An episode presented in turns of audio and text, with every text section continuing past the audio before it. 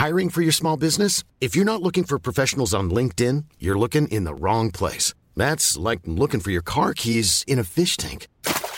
LinkedIn helps you hire professionals you can't find anywhere else, even those who aren't actively searching for a new job but might be open to the perfect role. In a given month, over 70% of LinkedIn users don't even visit other leading job sites. So start looking in the right place. With LinkedIn, you can hire professionals like a professional. Post your free job on linkedin.com slash people today. Burrow's furniture is built for the way you live. From ensuring easy assembly and disassembly to honoring highly requested new colors for their award-winning seating, they always have their customers in mind. Their modular seating is made out of durable materials to last and grow with you. And with Burrow, you always get fast, free shipping. Get up to 60% off during Burrow's Memorial Day sale at burrow.com slash ACAST. That's burrow.com slash ACAST. burrow.com slash ACAST.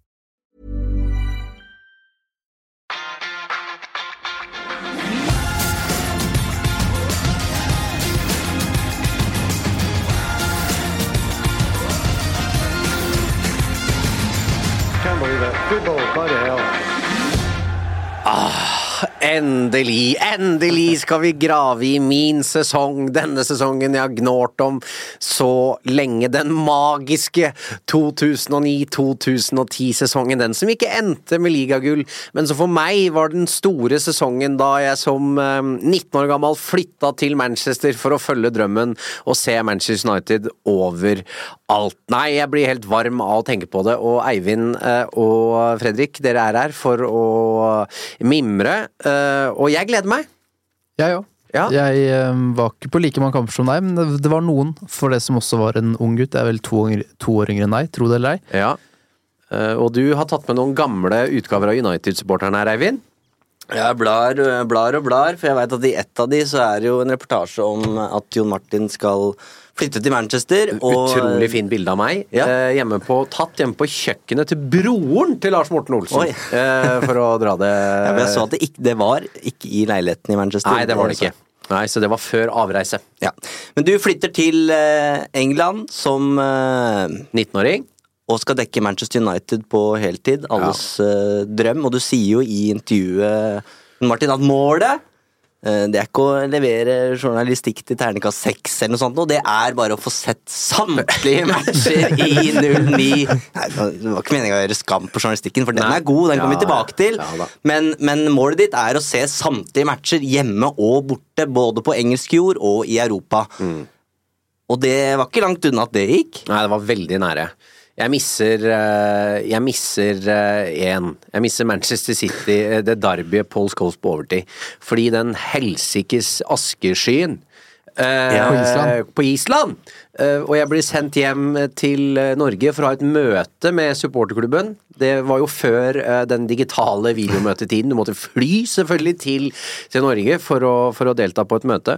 Og når jeg kommer dit, da, så blir jeg rett og slett askefast og kommer meg ikke av flekken. Og jeg var desperat med å vite. Jeg prøvde jo å få bil. Jeg snakka vel med deg òg, Fredrik, om å kjøre. Ingen som skal ta deg på at ikke du gjorde alt som sto i din makt for å faktisk komme deg tilbake. Fordi du vurderte å kjøre. Du skulle du spu, Eller jeg tilbød meg å låne bort min Mercedes eh, 97-modell, Ja. eh, og du skulle kjøre til Manchester for å rekke den matchen her. Men man var jo fucked, ikke sant? For, fordi da får man jo en for at uh, I svingdøra i trynet med at uh, UK Det er jo en øy.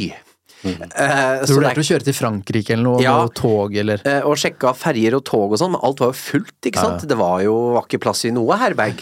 Eh, men jeg tok jo toget eh, for å rekke neste kamp mot Tottenham, tror jeg det var. Eh, men da dro jeg helt aleine med tog og ferje og alt dritt som var, til Amsterdam, kom jeg med, og da åpna flytrafikken. Stemmer. Så jeg kunne jo egentlig bare venta. Så det var tre dager i dyp ensomhet, for helt ærlig. Vi snakker mye om falske minner på den her, men jeg mener å erindre at du var sånn passe muggen. Da var jeg på stålet. Når jeg satt i Århus aleine midt på natta for å vente på et tog til Hamburg, da eh, kjente jeg at eh, nå er det trist. Ja. Hvor var du i verden her, Fredrik? 2009. Da gikk jeg vel fortsatt på videregående. Bodde hjemme hos mamma og pappa i Lørenskog. Um, Men jobba for United.no som frilanser. ja, det er helt riktig. Så dette, jeg, det var vel Steinar Madsen som var eh, sjef i United.no da jeg begynte. og så fikk jeg være med videre da du tok over ansvaret, Jon Martin. Så du, du satt vel og bossa over meg fra England, på en, på en god måte. Treffer ikke med alt jeg heller, Eivind. Hvis du traff bra, jeg. Ja, vi sitter her alle tre. Det er jo Hvor var du? Jeg var i et eh, kollektiv på Bislett med Johnny Evans. På ryggen? Nei, han het Johnny Evans. Nei. Uten H og alt. Hæ? Ja, helt sant. Jo. Ja. Helt sant. Ja. Han gammel rocker fra England. For behager? Var dritlei at alle maste om Johnny Evans-greiene, for han var ikke spesielt interessert i fotball. Du bodde i et kollektiv på Bislett med Johnny Evans. Ja. Sånn er det. Ja, Ja, for okay. nå, nå var jeg veldig spent på hvor vi skulle her, men eh, Jeg har ikke mer å fortelle. Nei, det var- jeg studerte journalistikk på Høgskolen i Oslo. Uh, Flytta jo fra Hokksund og skulle bo i mitt første kollektiv. Uh, en afrikaner, en spanjol og Johnny Evans. Det høres ut som en bok. Mm. Vi har alle en historie. Ja, vi har, ja, vi har det. Ja. ok. Men det er jo eh, en sesong eh, som hadde mye i seg. Eh, det er jo spesielt det at Manchester City eh, har blitt eh, pengesterke, og rivaleriet tas til nye høyder. Det var noen Manchester Derby denne sesongen som var helt sinnssyke. Fire stykk. Det var totalt kaos, eh, disse matchene. Og United tok jo rotta på dem hver gang! Eh, på dramatisk vis. Hver gang!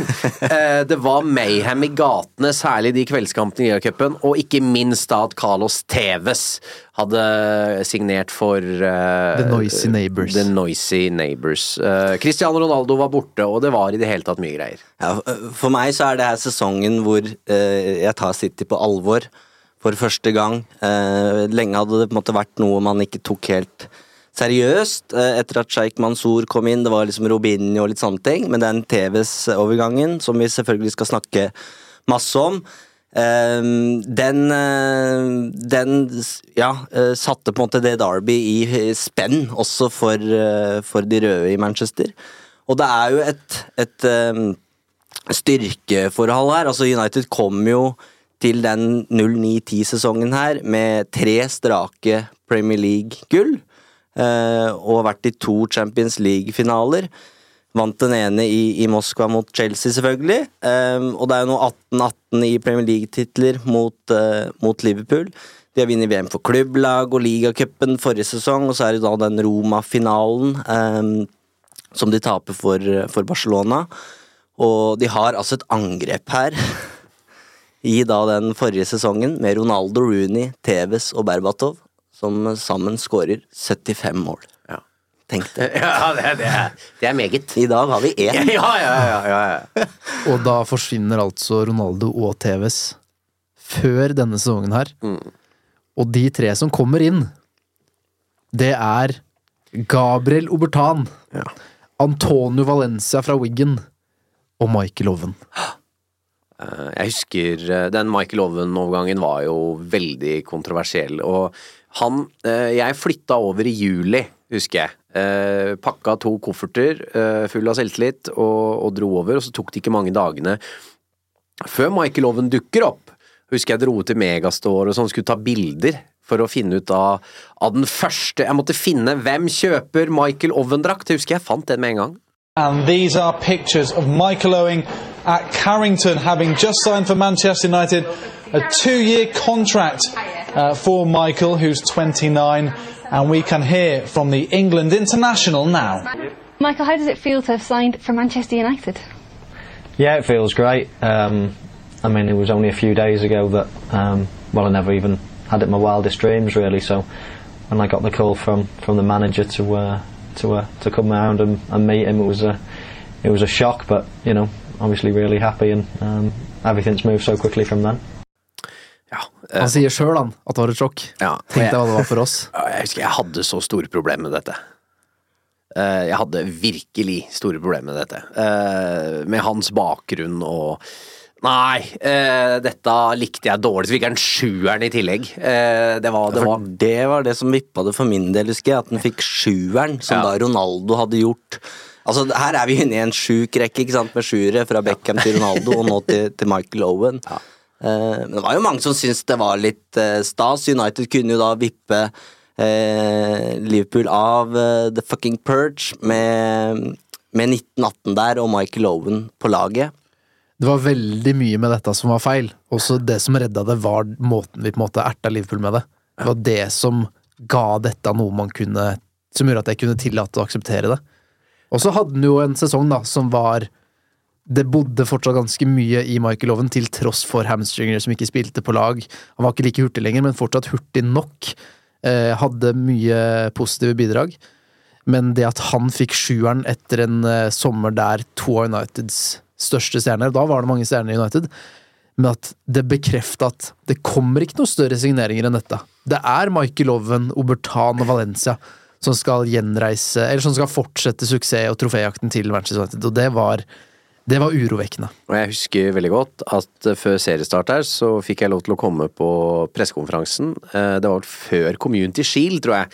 eh, Hvor de også presenterer disse tre karene på, på Carrington. Obertan, eh, Michael Owen og Antonio Valencia. Og jeg husker jeg tenkte at er det dere tre?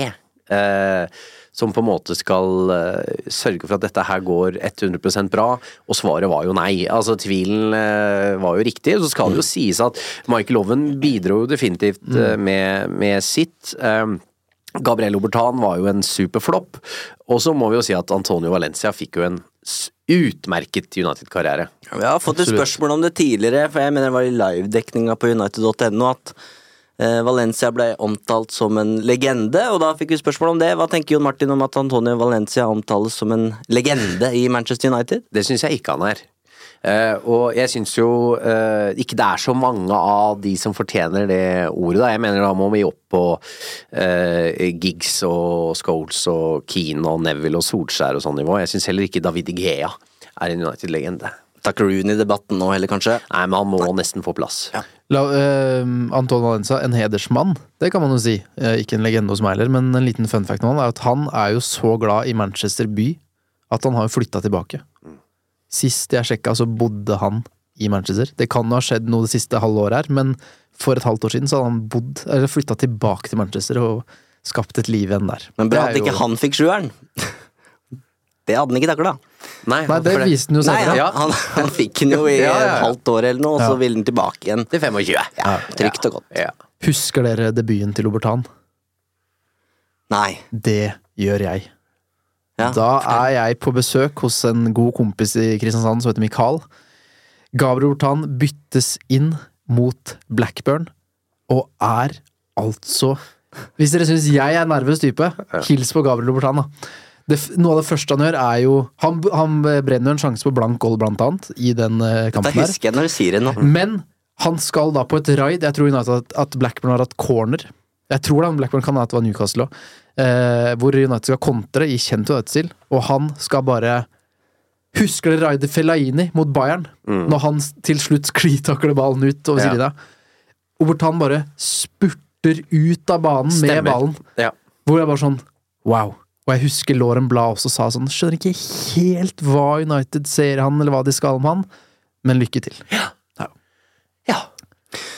Vi starta jo 06-07-spesialen med mm, tvisten mellom Ronaldo og Rooney. Nå er vi jo to år fram i tid, og vi må jo bruke tid på Ronaldo også nå. Eh, dette er jo sommeren han forsvinner, og her mister jo eh, Ferguson og Manchester United verdens beste fotballspiller. Den debatten kommer jo til å fortsette til evig tid, om det er Ronaldo eller om det var Messi, men Eh, Her, er, her snakker vi jo nå om stjernespilleren Ronaldo, som, som vi begynte å se konturene av i den 06-07-sesongen. Og nå har vi jo vært igjennom eh, en Moskva-finale og mm, frispark mot Portsmouth og det som er. Og Ronaldo forsvinner jo den sommeren her til eh, Real Madrid. Han gjør det. 80 millioner pund, eh, og det var jo en syk sum på det tidspunktet. ja, ja. Likevel som man tenkte liksom at jo jo, det er ikke noe mer enn det må være eh, likevel. Eh, det var ikke med kake igjen. Han hadde jo fått eh, latt seg overtale av sir Alex med å ta én siste sesong, uh, som da var 08-09. Og da var dette plankekjøring, dra til Madrid, drømmen oppfylt, og United sendte jo av gårde et monster av, av en fotballspiller. Altså noe vi knapt har sett maken til, ikke sant? Cristiano didn't want to come back. I says, I'm not selling you to the president of Real Madrid at the time. Uh, but give me one year at your best, and you're going with, with my blessing. And George Mendes says, deal done. He knew he was at the best place. Yeah. And it was the best place for him. Obviously, he starts to mature, and the signs are there's going to be something special. Mm-hmm. He had the dream of going to Real Madrid. And I'm, I'm not against that because six years was great for that's for a boy from Madeira. Yeah. Getting him here just before his 18th birthday and having him six years. I think we did well that way. And it, it gave me a chance to get a replacement. We got Valencia. Mm-hmm. And Valencia was fantastic. Yeah. You know, so we're very lucky that way, you know. Der var jo Sir Alex Ferguson nok en gang meget god, ikke sant, med å uh, overtale han til å ta det siste året. Og det var jo veldig gøy. altså Han sier jo på et tidspunkt, uh, Sir Alex, at han ikke ville solgt Peres et virus engang. Eh, og så går det da et halvt år, vel, og så, uh, og så drar Ronaldo av gårde. Så dette var jo åpenbart en stående avtale de hadde, og den blir fulgt. Og alle hadde Selv om folk på en måte så på det som trist, så var på en måte alle dette er greit, dette skal han få lov til, dette er drømmen hans. Dette begynner jo i 2008, når Ferguson sier til Ronaldo at eh, Altså, jeg, jeg vil heller skyte deg enn å selge deg til Calderón, som da var presidenten i, i Real Madrid. Unnskyld, det var Calderón. Unnskyld. Eh, bli et år til, så får du gå hvis noen betaler. Men Ferguson ville jo ikke ha han til Real Madrid her. Det var jo en høst med kjekling mellom Ferguson og Calderón. Og Ferguson mente at Heinz-overgangen var, det var første steg i Real Madrids masterplan om å hente Ronaldo til eh, Santiago Bernabeu. Kobler klubben til en fascistisk dik diktator. Eh, Calderón kaller Ferguson for senil, og så kommer det sitatet i desember om at han ville ikke solgt dem eh, et, et virus engang. Og ifølge Calderón så skal jo Ferguson ha tilbudt eh, Ronaldo til til Barcelona. Eh, men jeg, jeg har en bror som syns det var veldig trist. Han var på leirskole eh, på et tidspunkt i sagaen her. Eh, ikke lov å ha med telefon. Ingen kontakt med de hjemmefra. Og så kommer læreren hans, som da også tilfeldigvis var min fotballtrener på det tidspunktet. Og så sier han eh, Jørgen, eh, kom hit. Eh, Det er en telefon til deg eh, hjemmefra. Og da antar du jo det verste. Eh, og så er jo jeg på andre, i andre enden der, og, som sier nå har det skjedd. United har solgt Ronaldo til Real Madrid. Kan det ha vært noe med oppbygginga her som også førte til eh, tårer? Ja. At det var litt lettelse Ja, ja, ja. og sorg samtidig der? Ingen er død, Ronaldo Ja. er solgt. Så det var en sorgens dag for eh, to blad Holt. Da. Ja. Mm. Men jeg mener å huske at dette visste vi kom, at det var på overtid. Um, det var bare et spørsmål om tid, og ja, så um, Men det var mye stolthet og prestisje i, eh, i Ferguson og Real Madrid der, med hvem blunker først, på en måte. Ingen Fabrizio Romano på det tidspunktet til å breake den overgangen, men eh, det var en eh, spanjol ved navn Guillem. Vær så snill, hjelp meg. Balaguer? Balaguer. Balaguer. Eh, Så vi har fått et klipp fra Guillem som forteller hvordan han breaka storyen, eh, og hvordan han fikk litt motbør, da. Ikke bare fra Ferguson, men fra britisk presse. Well, it all starts with a uh, a little tip from an agent uh, saying, "Be careful because this has been prepared." This being the uh, deal between Calderon and Cristiano Ronaldo. Um, then, quite clearly, I asked the right people uh, that were involved, and I think um, from Ronaldo's side, they wanted Manchester United fans to be prepared obviously they didn't want the story to come out too early but i had all the information by the beginning of january uh, because it was all agreed in december. Remember the context of it uh, alex ferguson convinced ronaldo to stay an extra year when real madrid wanted him a, a year earlier. Uh, but uh, basically mm, by december uh, 2008 if I'm not mistaken, it was all agreed and signed. Uh, and I got hold of that documentation and that information. And I put it out in Sky Sports in a program that we call Revista de la Liga. And for six months until everything got confirmed, uh, I got the equivalent at the time of the mob uh, the trolls, uh, but that was mostly uh, English press and especially Alice Ferguson, who said in a press conference after I think it was some, the FA Cup game, uh, an early game in January, something like you know that's that's rubbish, it's not true, and of course logically the media um, backed Ferguson up, and they didn't want nobody wanted Ronaldo to leave the Premier League, uh, but by then obviously it was all decided, and uh, a few months later I um, I had the last laugh. Ja, og det er klart det er deilig for han. Ja. Ja. Det er kult. Bra jobba, Eivind. Det er gøy å høre hvordan han eh, jobba, og hvordan ting var på den tiden der. Det Ronaldo skulle til Real Madrid på et tidspunkt, og det var sir Alex Ferguson innforstått med, og han fikk en sesong mer enn det alle trodde han skulle få. Mm. Og det var jo masse støy. Altså det, det tror jeg vi glemmer litt. Altså det Real Madrid-maset, det var intenst, altså. Eh, Det prega liksom hele sommeren eh, i, i forveien der. Eh, Så derfor husker jeg at jeg på sett og vis følte på en slags lettelse. At ok, nå er dette her ferdig. Det er i hvert fall avklart. Ja. Var det ikke på et tidspunkt sommeren i forhånd at Ronaldo også sa i med at jeg blir holdt som gissel i United, jeg vil bort? Tar helt feil nå? Etter den Champions League-finalen i Roma, Ja. så, nei, i Moskva, så, så var det litt greier. Ja. Da var han uh, ute med, med nebbet og var litt uh, Prata litt sånn som jeg husker at jeg ble litt lei. At jeg var litt sånn Du kan bare gjerne reise nå, for Ja. min del. Problemet her er jo erstatteren, eller hvordan de pengene blir, blir brukt, men det kan vi jo komme Eller ikke brukt? Ja. Ikke sant? Ehm, ja. Eh, så ja, eh, vi, skal vi gå videre, eller skal vi snakke litt om den TVs-overgangen? Ja, den var jo Carlos Tevez til Manchester City eh, var seig. Der skal det vel også sies at um, Ferguson uh, kunne jo kjøpt Carlos Tevez.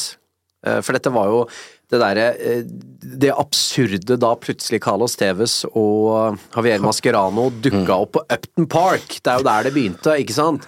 Med Kia Jorabchian og en snodig deal og med noe utleie, og det var jo så komplisert og rart. Det stinka. De gjorde rett og slett det.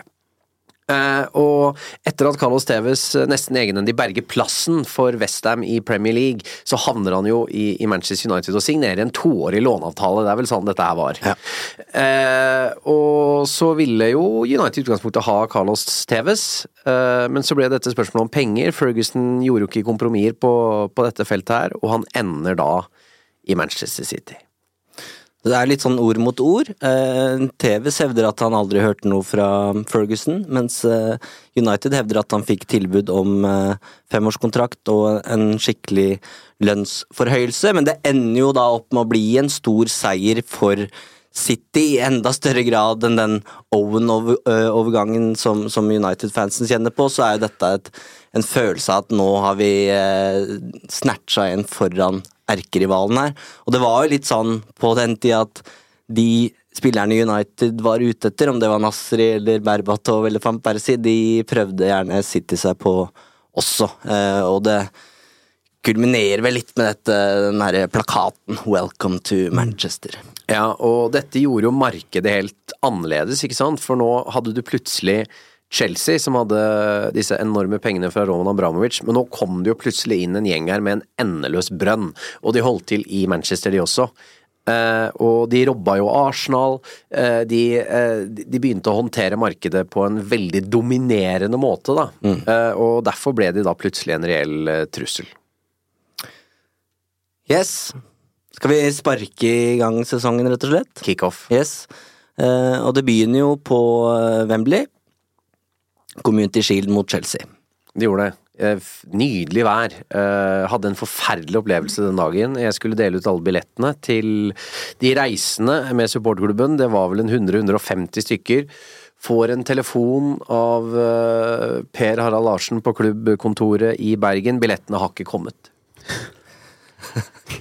Vi har ikke billettene. Du må reise opp på Wembley, billettkontoret, og så må vi løse det der. Så skrive ut da såkalte duplikater. Jeg hadde noen billetter som jeg delte ut på hotellet dagen i forveien, resten måtte møte meg der oppe. Eh, Og der eh, De hadde ikke noen billetter. Og jeg kjenner bare at nå, eh, nå kjenner jeg på et stress her jeg ikke liker. Eh, og tiden går, jeg står utenfor det billettkontoret, eh, Per Harald ringer inn dit, det er fram og tilbake, og til slutt så begynner de å skrive ut billetter av en slags kopimaskin. Men der står det jo ikke noe rad eller noe som helst, de begynner da med kulepenn. Mens det står en rekke med 100 nordmenn eh, bak meg og venter på billettene sine, og det var altså Har så de oppdaga at du har nullkontroll? ja, da måtte jeg si, altså det har skjedd et eller annet. Ja. Eh, Vi, vi, vi jobber med å løse det nå, så alle de kom vel inn omtrent til kickoff. Så venta jeg på én som plutselig kom, og så var jeg vel inne sju-åtte minutter ut i kampen. Altså. Alle kom inn, men det var et helsike. Rad én, øh, og, og det ble vel tap. Det blir jo det til slutt. Eh, kampen ender 2-2. Eh, og så taper eh, United på straffer. Ja, og det er vel ikke med Edvin van de i mål, er det det? Fordi vi var jo på Audi Cup eh, på en sommer, eh, tidligere sommer, eh, Jon Martin. Da møtte vi hverandre for første gang, Det vi er det? helt riktig. Det er jo da Vi har vel snakka om det på den før, men United spiller vel mot Bocca og Bayern. Ja. Møter Bayern i straffekonk for å avgjøre Audi Cup. Edin van brekker en finger i den matchen her og er ute de to første månedene. Så er det Ben Foster som vokter buret Mm. Eh, en god stund der. Med vekslende hell. Både Foster og Korczak står vel en del matcher den sesongen her. Eh, Men før vi sparker i gang eh, Premier League-sesongen, så skal vi kikke litt på oppkjøringa, Fredrik. Ja. Det, vi har snakka litt med Rod Thornley, så på den tiden der jobba i Manchester United, og vi spurte han eh, hva husker du best fra denne sesongen her, hva, hva kan du dele? Og dette er det han husker best. it was a strange one because we played in Malaysia that summer, uh, and we, we, we won the first game in Malaysia against the Malaysia Select Eleven, and then we were supposed to fly out to um, to Jakarta in Indonesia, but my God, the hotel we were supposed to be staying in literally got bombed the day before we blew what's in there. We we we uh, a, a, a, uh suicide bomber with a bomb with a vest on walked into the main lobby and blew the lobby up and killed himself. So we decided, as the club decided, it wasn't secure to go there. We stayed in Malaysia for another week and played the same team again and won again. Uh, and then the one remaining thing I remember from that pre-season tour was we went to China.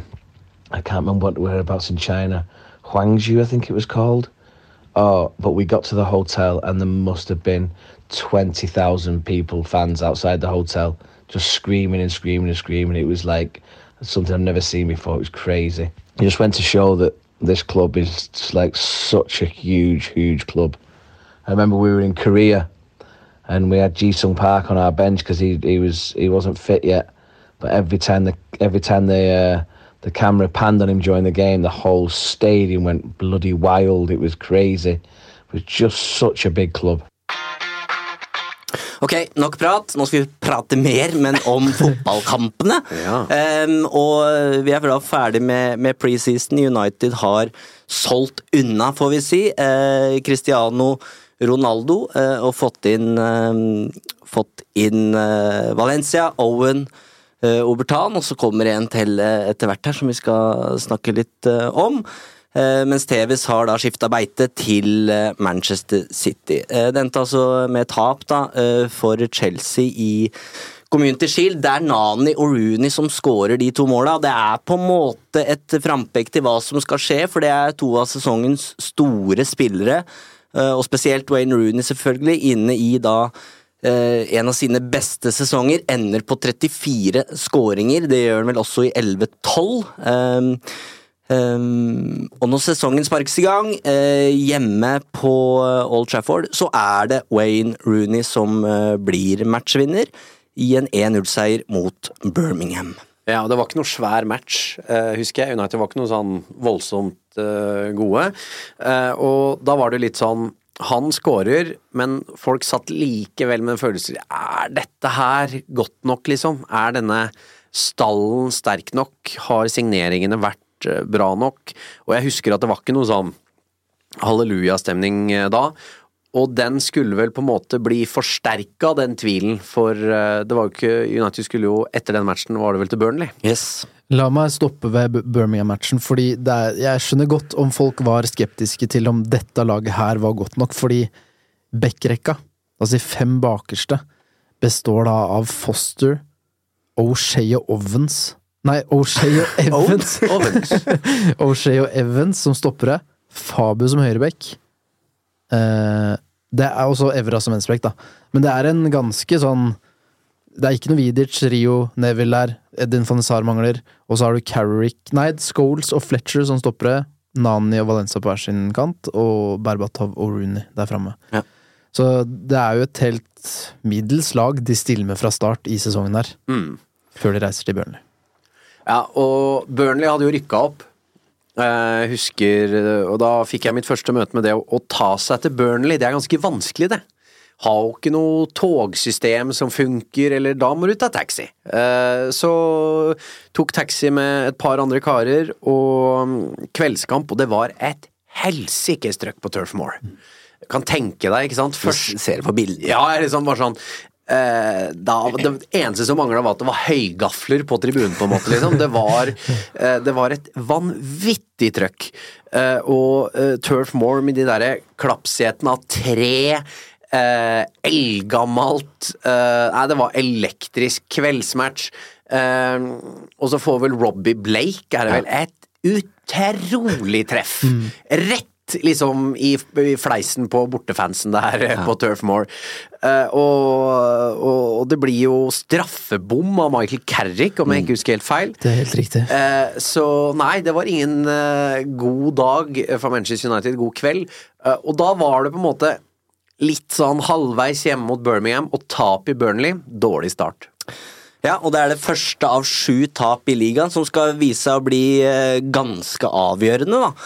Ehm, og i uh, neste runde her så slår det jo tilbake Vi skal ikke ta hver eneste match, altså selv om du sikkert vil det, Jon Martin, men uh, jeg går gjennom terminlista eh, kronologisk, og så stopper vi der vi føler at det er verdt å stoppe. Og det er det jo uh, på en 5-0-seier mot Wiggen. Ja. Det var det. Og så ble det stille. Eh, ja. Nei, eh, for det var borte mot Wigan, ikke sant? Det var borte mot uh, Wiggen. Hvis jeg sa hjemme, så var jo det feil. Uh, to skåringer av Rooney, en av Berbatov. Det første til Owen, og Nani gjør 5-0 på overtid. Og det husker jeg veldig godt, eh, og det er Michael Owen-målet også foran United-fansen, om jeg ikke husker feil, med da liksom You Scouse Bastard blir møtt eh, med eh, liksom 4000 bortefans, bare You Scouse Bastard, etter at han scora. Så da, da var det happy, happy days igjen, og jeg merker jo at øh, når du da flytter dit og skal være med hver uke, så føler du deg utrolig som en del av det. Eh, og du blir jo mm, litt sånn bipolar av hele greia. ikke sant? Da er du oppe igjen, og det er en kjempedag, og du drikker øl og blir full. Det ble jeg for så vidt uansett, men uh, den derre stemningen og gleden og på en måte det å dra, da dra tilbake til Manchester i sola uh, og gå ut på byen og feire, på en måte, nei, det var, var nydelig. Og så har du jo eh, Du jobber jo litt ved siden av. Ja. Måtte det. Eh, Du har fortalt denne historien her før eh, til oss i supportklubben i ettertid, men Nemanja Vidic hadde blitt kåra til årets spiller i supporterklubben eh, sesongen før. Mm. Hadde han fått da Vikingskipet av deg før sesongstart her, eller var det noe, et intervju som ble gjort underveis? Det ble gjort Sesongen var i gang, tror jeg. Jeg lurer på det- det var i august. Men om det var rett før eller etter Jeg tror sesongen hadde begynt. Ja. Uh, og da fikk jeg da oppgaven med å intervjue Nemanja Vidic, og ikke minst dele ut prisen som årets spiller i Skandinavia, som jo er det fjonge vikingskipet jeg har prata mye om. Nei, men bra. Um, Vi beveger oss videre. Det er klart for uh, sesongens første storkamp mot uh, Wenger og Arsenal på Old Trafford. Der var jeg. Ja. Det var vel du òg. Ja. Hva husker du best? Eh, Hvor skal man begynne? Eh, om det er, det er Wenger er som venger, står det der. være det. Det er- jo det var sjukt, ja, ja, faktisk. som blir rett og slett utvist. eh, sendt på tribunen. Men han skal bare klatre opp, han. Eh, Han har ikke noe sted å sitte. Nei, så han steller seg rett og slett bredt bak benken på Southstand, og der blir han stående. Totalt ydmyka. Altså, man Ja, får vondt, han, da. eh, Han, hvor skal jeg hvor gjøre skal meg? jeg stå? Og Ja.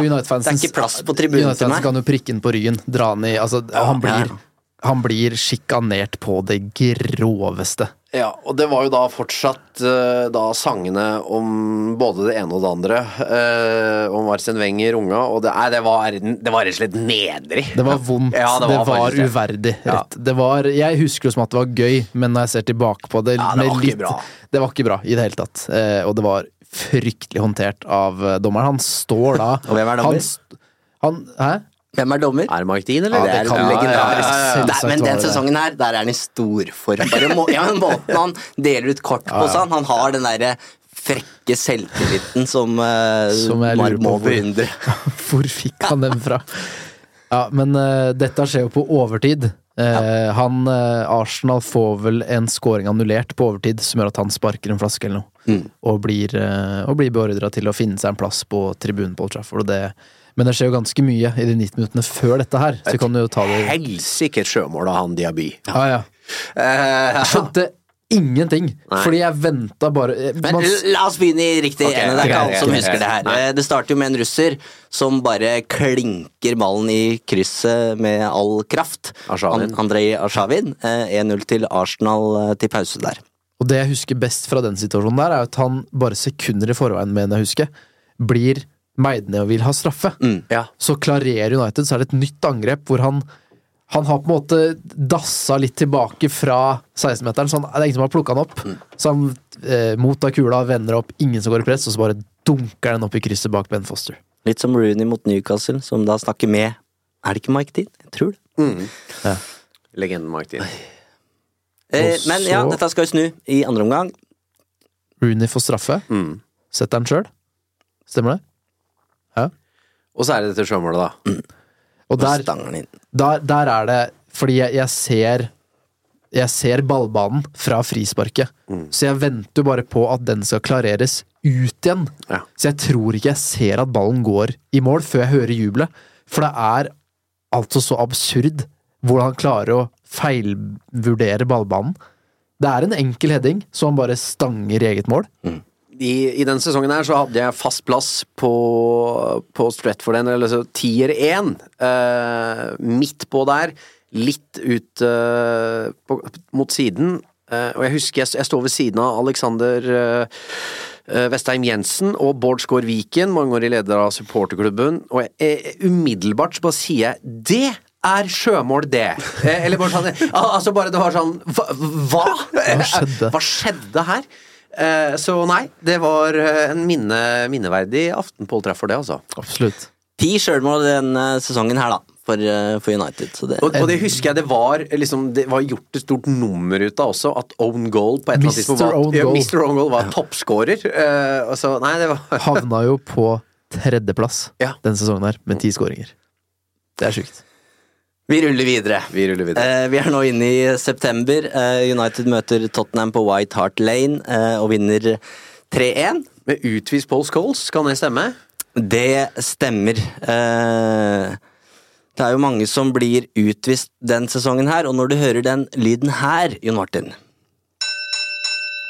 Så er det quiztime, fordi Ja. du har vært med i en veldig fin podkast til eh, Magnus Devold, Ja. Der du valgte 0910 som ditt spesialfelt. Jeg, så jeg skal quizes mer nå. Men fikk jo veldig snille spørsmål, syns jeg da.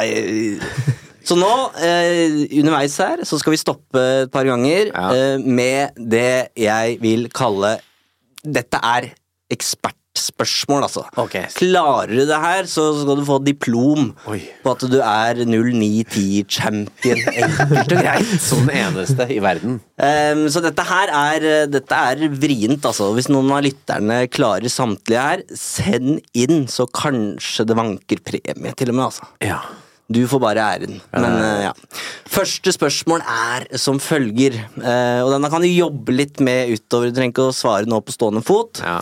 Eh, det er åtte utvisninger den sesongen her. Det er ganske mange. Hvem? Og så er poengene her gis på spillerne, Ja. men du kan jo vrife brife litt med å også si hvem de, eh, hvem de blir utvist mot. Og så får du hjelpe meg, Fredrik. Det er altså åtte. Hva er godkjent? Jeg syns åtte av åtte, det er Scholes, Scholes blir utvist på White Hart Lane. Det er én. Ja. Nani ble utvist borte mot Aston Villa. Det er to. Uh, Carrick blir utvist i Milano. Det er tre. Oi, oi. Vidic blir han eh, utvist på Anfield. Riktig. Fire. Oi, oi, oi, nå syns jeg det begynner Men er det noen som har flere her? Nei. Det er åtte unike utvisninger. Mhm. Den er tøff. Hva syns du, Fredrik? Er, er eh, eh, terskelen, liksom? Nei, å ta de fire på, på strak arm, det syns jeg er bra. Og så eh, er vi fortsatt i startgropa av episoden her, så um, du får betenkningstid. Ja, jeg, jeg må, jeg, Ja, denne kan du få jobbe ja, med. Ja, da jobber jeg med Men vi må sette en uh, Legge lista et sted. Seks er godkjent. Ja, Seks og åtte. Ok. Mm. Nei, men bra. Um, United slår altså Tottenham. Uh, Scholes vises ut. Da er det vel 3-1. Uh, Da skårer Andersson sitt første for United. Eh, Han eh, dunka nå inn også mot Bocca i Audi Cup, eh, Jon Martin. Men Ja. hadde ikke Og ikke skåra minst i Moskva. Ja. Ja, på straffe, da. Men hadde jo fortsatt da ikke skåret et spillemål for United, og det kom da borte på White Hart Lane. Gjorde det. Var det Rooney? Ja. Siste Det er Giggs, Anderson og Rooney. Giggs på frispark. Ja. Mm. ja. Stemmer. Og Alright. Giggs er jo helt enorm i denne sesongen her. I hvert fall periodevis. Um, ja. Gammel og god. I andre spesialer så har vi liksom tatt Champions League-eventyret litt sånn uh, for seg. Ja, Eh, jeg foreslår vi, vi tar uh, og reiser til uh, Tyrkia med en gang. Ja, eh, for dette gleder jeg meg til, husker jeg. Besiktas borte. Det er CSKA, eh, Wolfsburg og Besiktas som er Champions League-gruppa. å dra på denne døgnturen til eh, Manchester United. De hadde jo offisielle turer hvor du får kampbillett, fly, eh, og så dundrer du inn dit på dagen. eh, og så etter match, buss rett ut på flyplassen og hjem, og så lander du plutselig på Old Trafford eh, midt på natta. Og det var altså et Jeg gleda meg jo sånn til stemninga, ikke sant. Litt skummelt, mørkt i Istanbul. Og vi ble kasta inn i en borteseksjon som først og fremst så ut som en hønsegård. Altså, altså vi ble bare plassert langt bort fra banen hønsenetting over oss. Du vet sånne hage-plastikkstoler, sånne gamle. Det var setene. De hadde kappa beina og spikra det ned. Eh, Men selv om vi må, måtte var så langt unna, så ble vi bare helt blåst av banen av eh, stemningen. Du så på vippen der, så sto det folk i dress som hadde tatt av seg dresskoa sine og pælma de rundt ned. Nei, det var, det var helt sjukt. Uh, og eh, Var det noe drama? Nei, jeg ble, fikk ikke noe Jeg ble slått etter med batong, husker jeg. Uh, og, Har snuten? Ja. Ja. Uh, og nøklene mine uh, til leiligheten i Manchester ble borte. Ja. Eh, for de skulle ta Sånn var det! Jeg, for jeg ble slått med batong en gang. Det var i Istanbul, det. Jeg får på leggen eh, fordi de skal ta ut nøklene, for de tenker jo at folk kaster jo nøkler på kamper i Istanbul. Eh, men folk fra England er jo ikke det. Eller fra Norge. Eller Norge, men særlig fra Norge. Eh, og da forsvinner husnøklene mine. Hadde heldigvis et ekstrasett i en sånn boks i Manchester, men, eh, så jeg var nøkkelløs. Ja. Men eh, på Kom hjem med helsa i behold. Ja da, litt blå bare. Eh. Scholes Ja. 1-0. Header eh, stang inn der. Men ble det rødt kort der? Nei. Ja, det ødelegger jo oppsummeringa litt at vi ikke kan røpe det, selvfølgelig, men eh, nei. Nei. De gjorde ikke det. Sorry.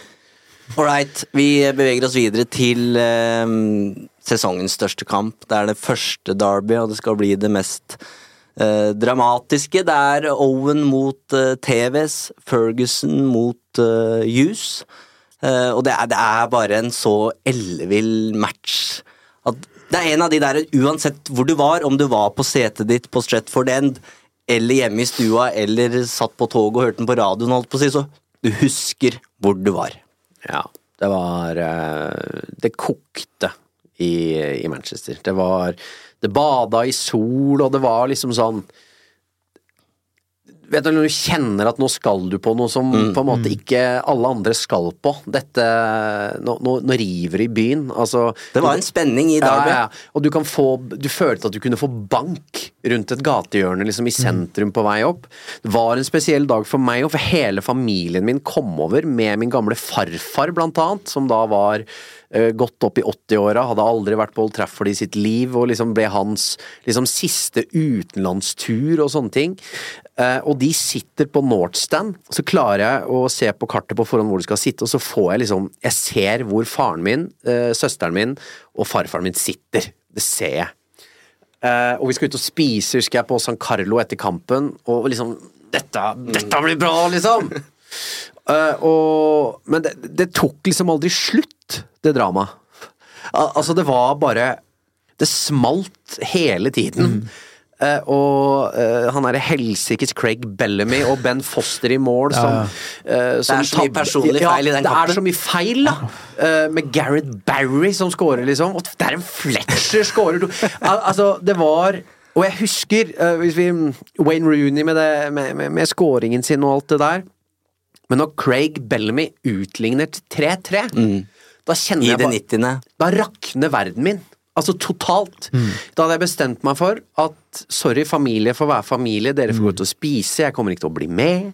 Eh, jeg husker liksom sånn Jeg var totalt ferdig. Jeg var så forbanna på Rio Ferdinand. Ja, jeg, husker, er helt- jeg, jeg kan, jeg kan Ja. liksom huske følelsen. Hva er, det, men er det, hva er det han driver med? Altså Han bare vipper ballen opp i lufta. Ja. Ja, for jeg, jeg tror at United har så de, de triller jo bare ball av det halvslappe City-presset. Og jeg tror det er sånn tilnærma jubel på tribunen for hver pasning at det slår. Det er full kontroll. Ja. Hvor det er bare ett sekunds hjerneblødning, hvor den skal være elegant og vippe den over. Og så ser vi en Rio Ferdinand litt på hell, som blir totalt fraløpt. Ja, Craig Bellamy var hurtig, men det var jo også Rio Ferdinand, i hvert fall tidlig i karrieren, veldig kjent for å være også. Blir eh, fraløpt, og så er det jo også Man kan sette spørsmålstegn ved keeperspillet der òg. Ben Foster som feilvurderer litt, eh, og Bellamy som setter den inn fra nesten død vinkel. Da raste verden, altså. Og det var hjemme i stua, det var ikke Paul Trafford. Og det, eh, de hadde jo på en måte fått uh, merkelappen 'Noisy Neighbors' av, av Ferguson. Og det her, det her var sånn definisjonen på 'Noisy Neighbors', da, med Bellamy i spissen der. Du hadde Tevez, det var Steven Ireland altså det, det, det var bare et sånt Unnskyld Ja, møkkalag! At jeg det. Var- Det var så fælt å, å tape for lillebror på den måten her. Eh, og så veksler det jo. Det er jo 1-0, 1-1, 2-1, 2-2, 3-2, 3-3. 3-3. Ja, det er galus. Og så legge, legges det jo heldigvis til noen minutter her, da. Ja. Is there a final twist? Not with a free kick like that. Rooney hoists it. Ferdinand beneath it. Comes out to Giggs. What a pass! Michael Owen wins it in the most extraordinary way.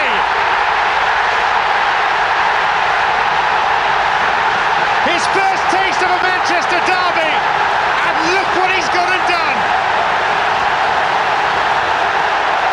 And Mark Hughes is furious. Four minutes, he says. That's what we were told. Never mind that.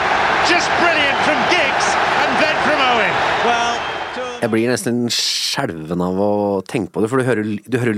Ja, Eivind har på ekte gåsehud der. Eh, og du hører lyden i bakgrunnen. Altså, altså, det, var, altså det, det lydnivået som Old Trafford når da, er så sykt. Tilbake til plassene mine på Stretford End, der Michael Owen kommer løpende, feirende. Der står jeg. Og jeg forsvinner bare rad på rad nedover. Jeg faller slår knærne mine, så begge knærne på buksa mi er fulle av blod når jeg går ut av Old Trafford etterpå, men de gjorde ingen verdens ting. Husker jeg la meg om kvelden etterpå når du skal dra av deg en bukse som på en måte har fått skorpe og sitte fast i sår. Eh, men det var bare helt sånn Alle ser seg rundt og skjønner at dette her kommer vi aldri til å glemme. Dette er, er på en måte alt. Det var så sykt. Og det var førsteklasses TV-produksjon. Eh, både i det Derby her og et vi skal komme tilbake til seinere. Men, men, men at de bruker totalbildet når Owen løper langs eh, tribunen der, det er, det er helt elleville scener. Ja, ja. De, de jubelscenene var helt det, Altså, det av eh, Som jeg har snakka om før, det er jo det er ingenting som slår fotball i det derre øyeblikkslykke.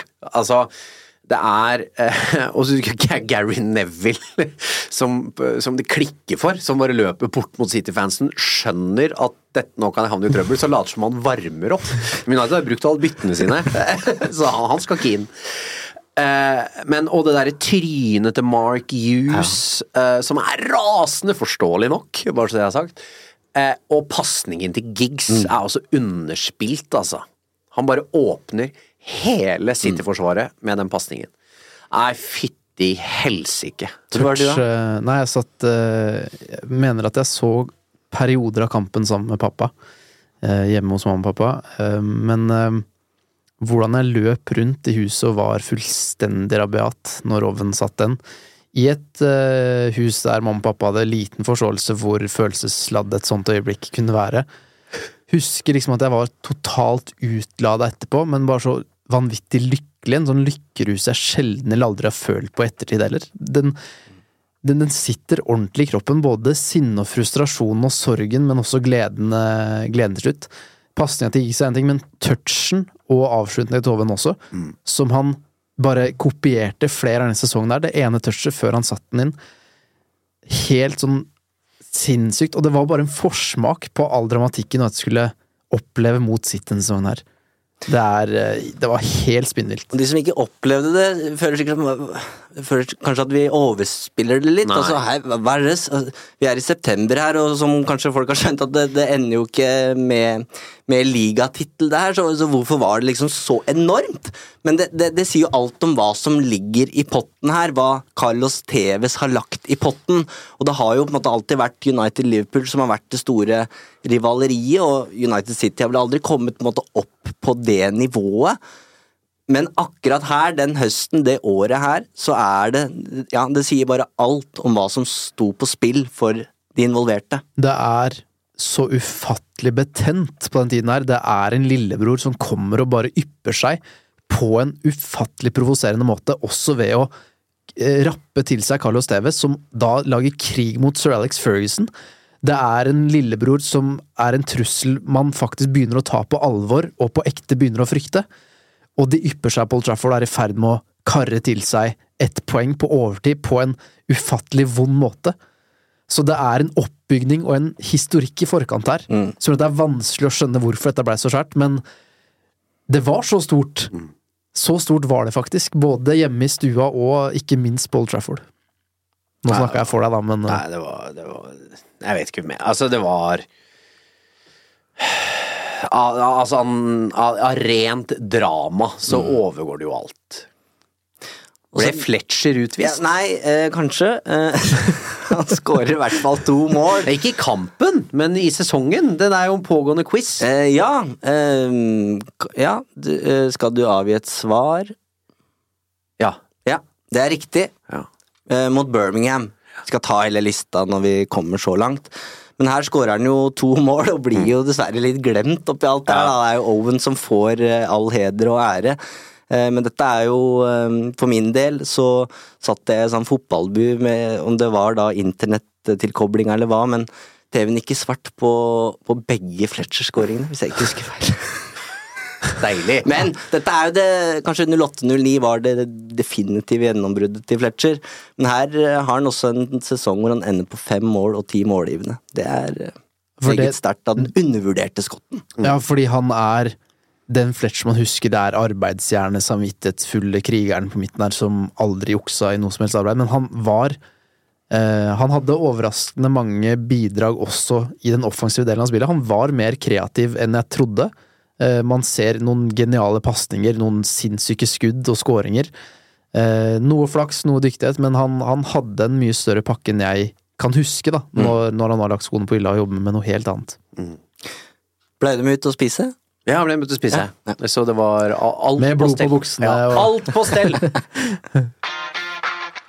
Ok. Eh, fra da tidenes eh, Derby, får vi vel si, eh, til eh, ned på jorda igjen, til ligacupen. Der med hjemmekamp mot uh, Wolverhampton. Danny Welbeck blir uh, matchvinner, uh, feirer som eh, Usain Bolt. hvor vi får en debutant. Yes. Det er Joshua King, det. Mhm.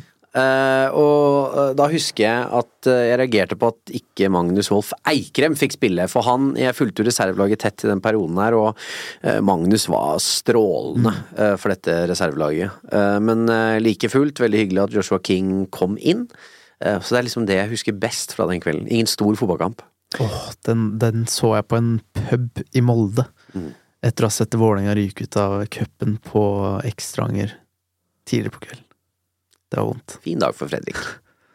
Nå ruller vi litt videre. Nå ruller vi litt videre. enig? Ja. Enig i tempoet her nå. Eh, Stoke eh, slås eh, 2-0. Berbatov og John O'Shay.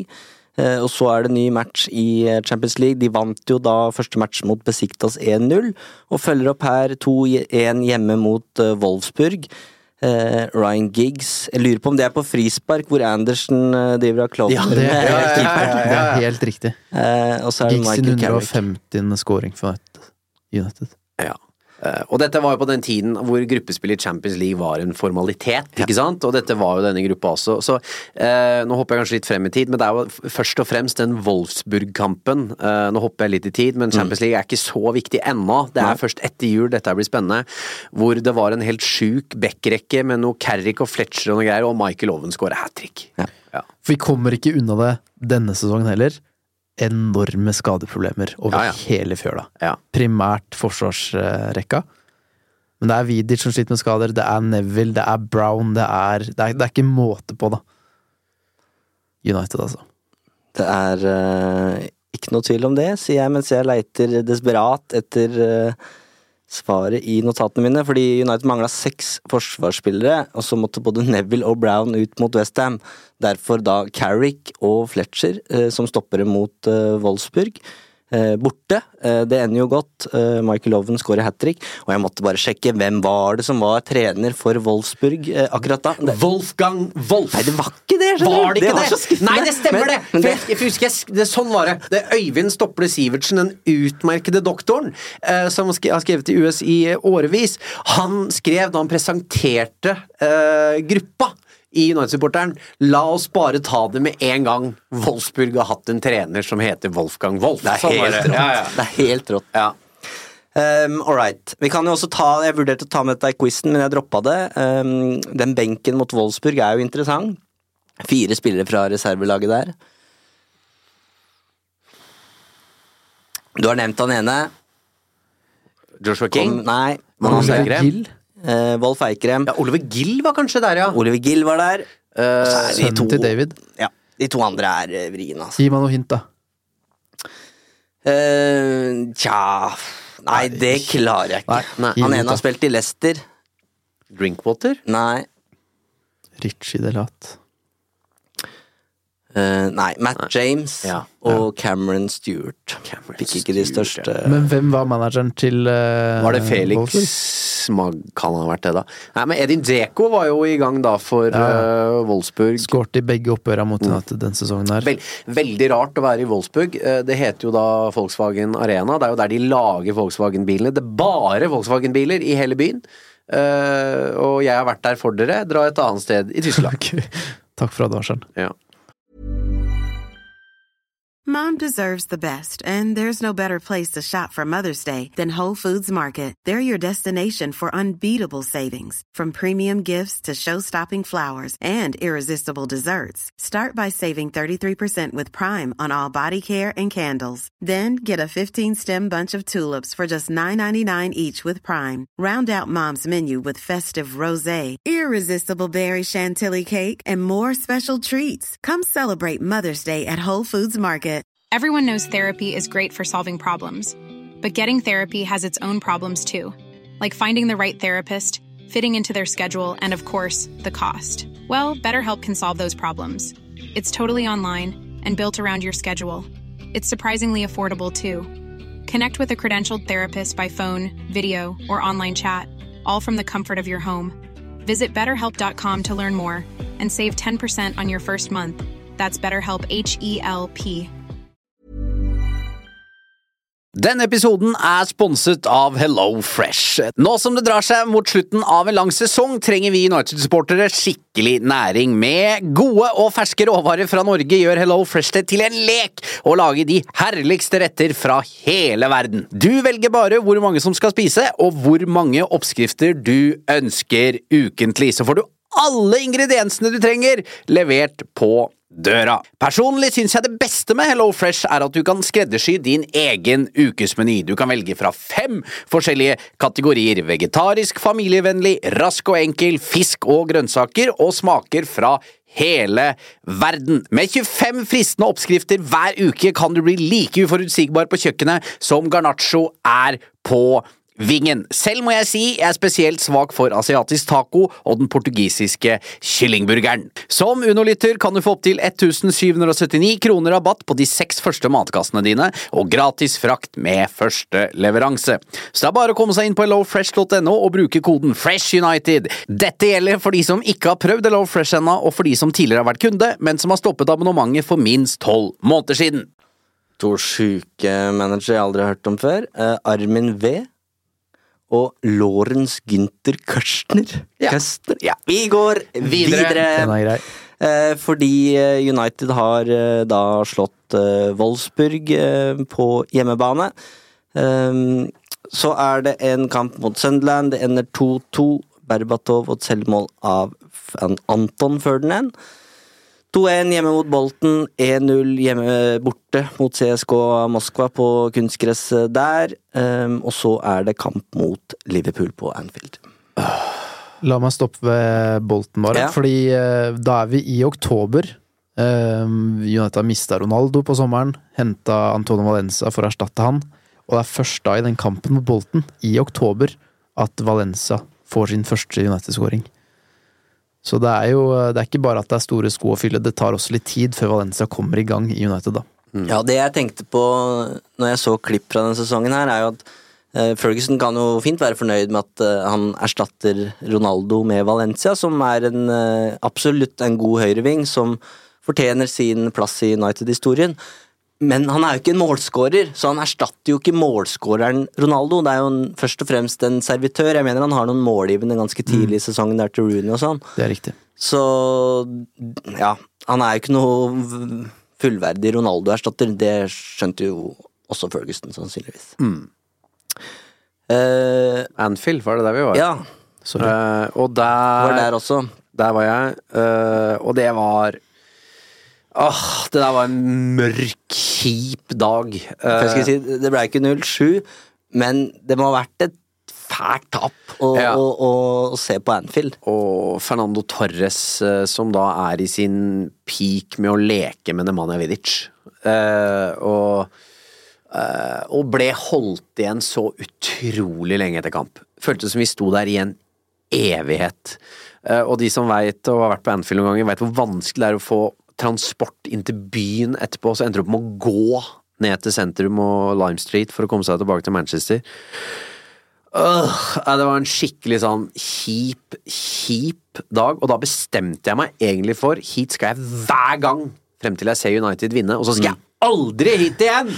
Tenkte jeg. Eh, og jeg måtte holde på lenge og vel eh, for, å, for å oppnå det noen år seinere, men da klarte jeg ikke å slutte, for jeg syntes det var så deilig å oppleve det når det faktisk skjedde. Er du tilbake, Fredrik? Du Nei, nei, holder nei, nei, med. jeg, jeg, jeg, nei, jeg jeg, på ekte. Jeg er ferdig. Jeg skal, jeg skal ikke dit. Det, det var eh, De blikka fra hjemmefansen og politimennene da vi, vi ble ikke holdt igjen. Det, det var bare sånn Det var en sånn medføl... Medyng. Bare sånn Slutt å med synes synd på meg. Vet du Ja. hva? Bare slutt, liksom. De, de vinka sånn hånlig Ja. mens de oppriktig syntes synd på oss. Få det langt bort. da. Det likte jeg ikke, altså.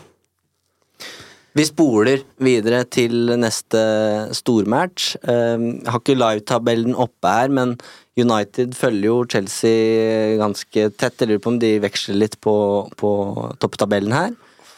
Eh, og så skal United da til eh, Stamford Bridge og møte Ancelottis eh, mannskap. Der stanger vel John Terry inn, om jeg ikke har helt feil 1-0-seier for Chelsea. Dette er en kontroversiell seier.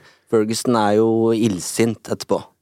Uh, På grunn av frisparket Chelsea får, eller? Ja, Uh, det er Fletcher som feller Cole. Uh, kan se litt billig ut, og så drar Drogba ned Brown i, i feltet Ja. der, som gjør at Terry kan score. Og så kunne vel også Terry vært utvist for en sånn bodytakling på, på Valencia innafor straffefeltet. Eh, og Rooney visstnok uh, mumler til kamera 'twelve men, 12 men' etter, etter slutt her. Uh, og der var jo Da fikk man litt den hunchen på at Chelsea er et knepp bedre enn Manchester United denne sesongen. Uh, de var jo så svære på det tidspunktet her, uh, og eh, jeg husker jeg hadde så angst før matchen, fordi jeg sitter på toget. Uh, Kampbilletten min klarer jeg å få miste ut av lomma på toget. Den faller opp, oppe på den varmeovnen på toget, så billetten blir brent. Den, den er fin å forklare. ja.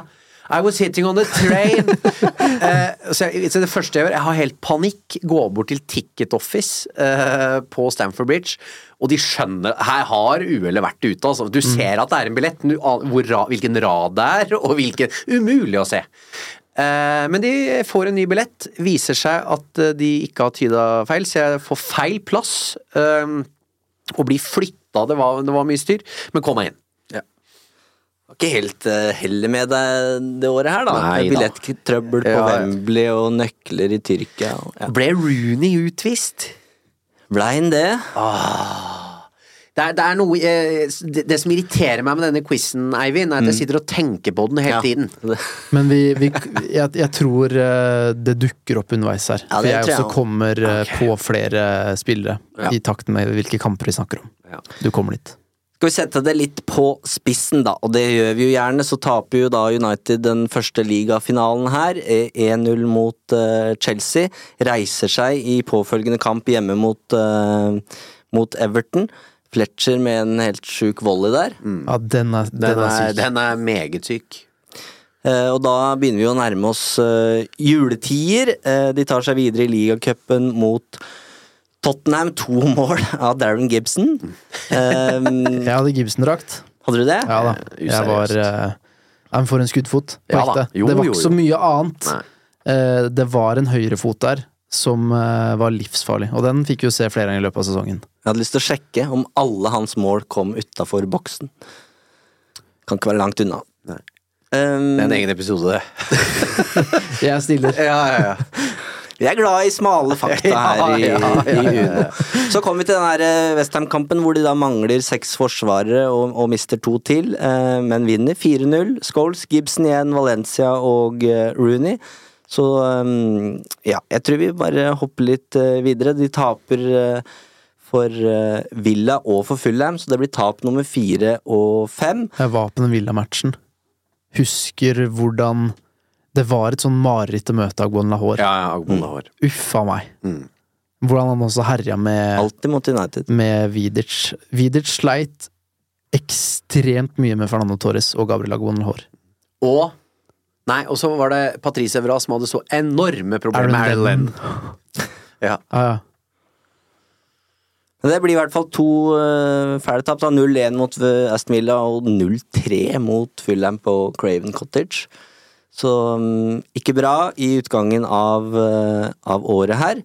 Men avslutter året med 3-1-seier mot Hull og 5-0 mot Wiggen. Var det noen utvisninger der i Fullham?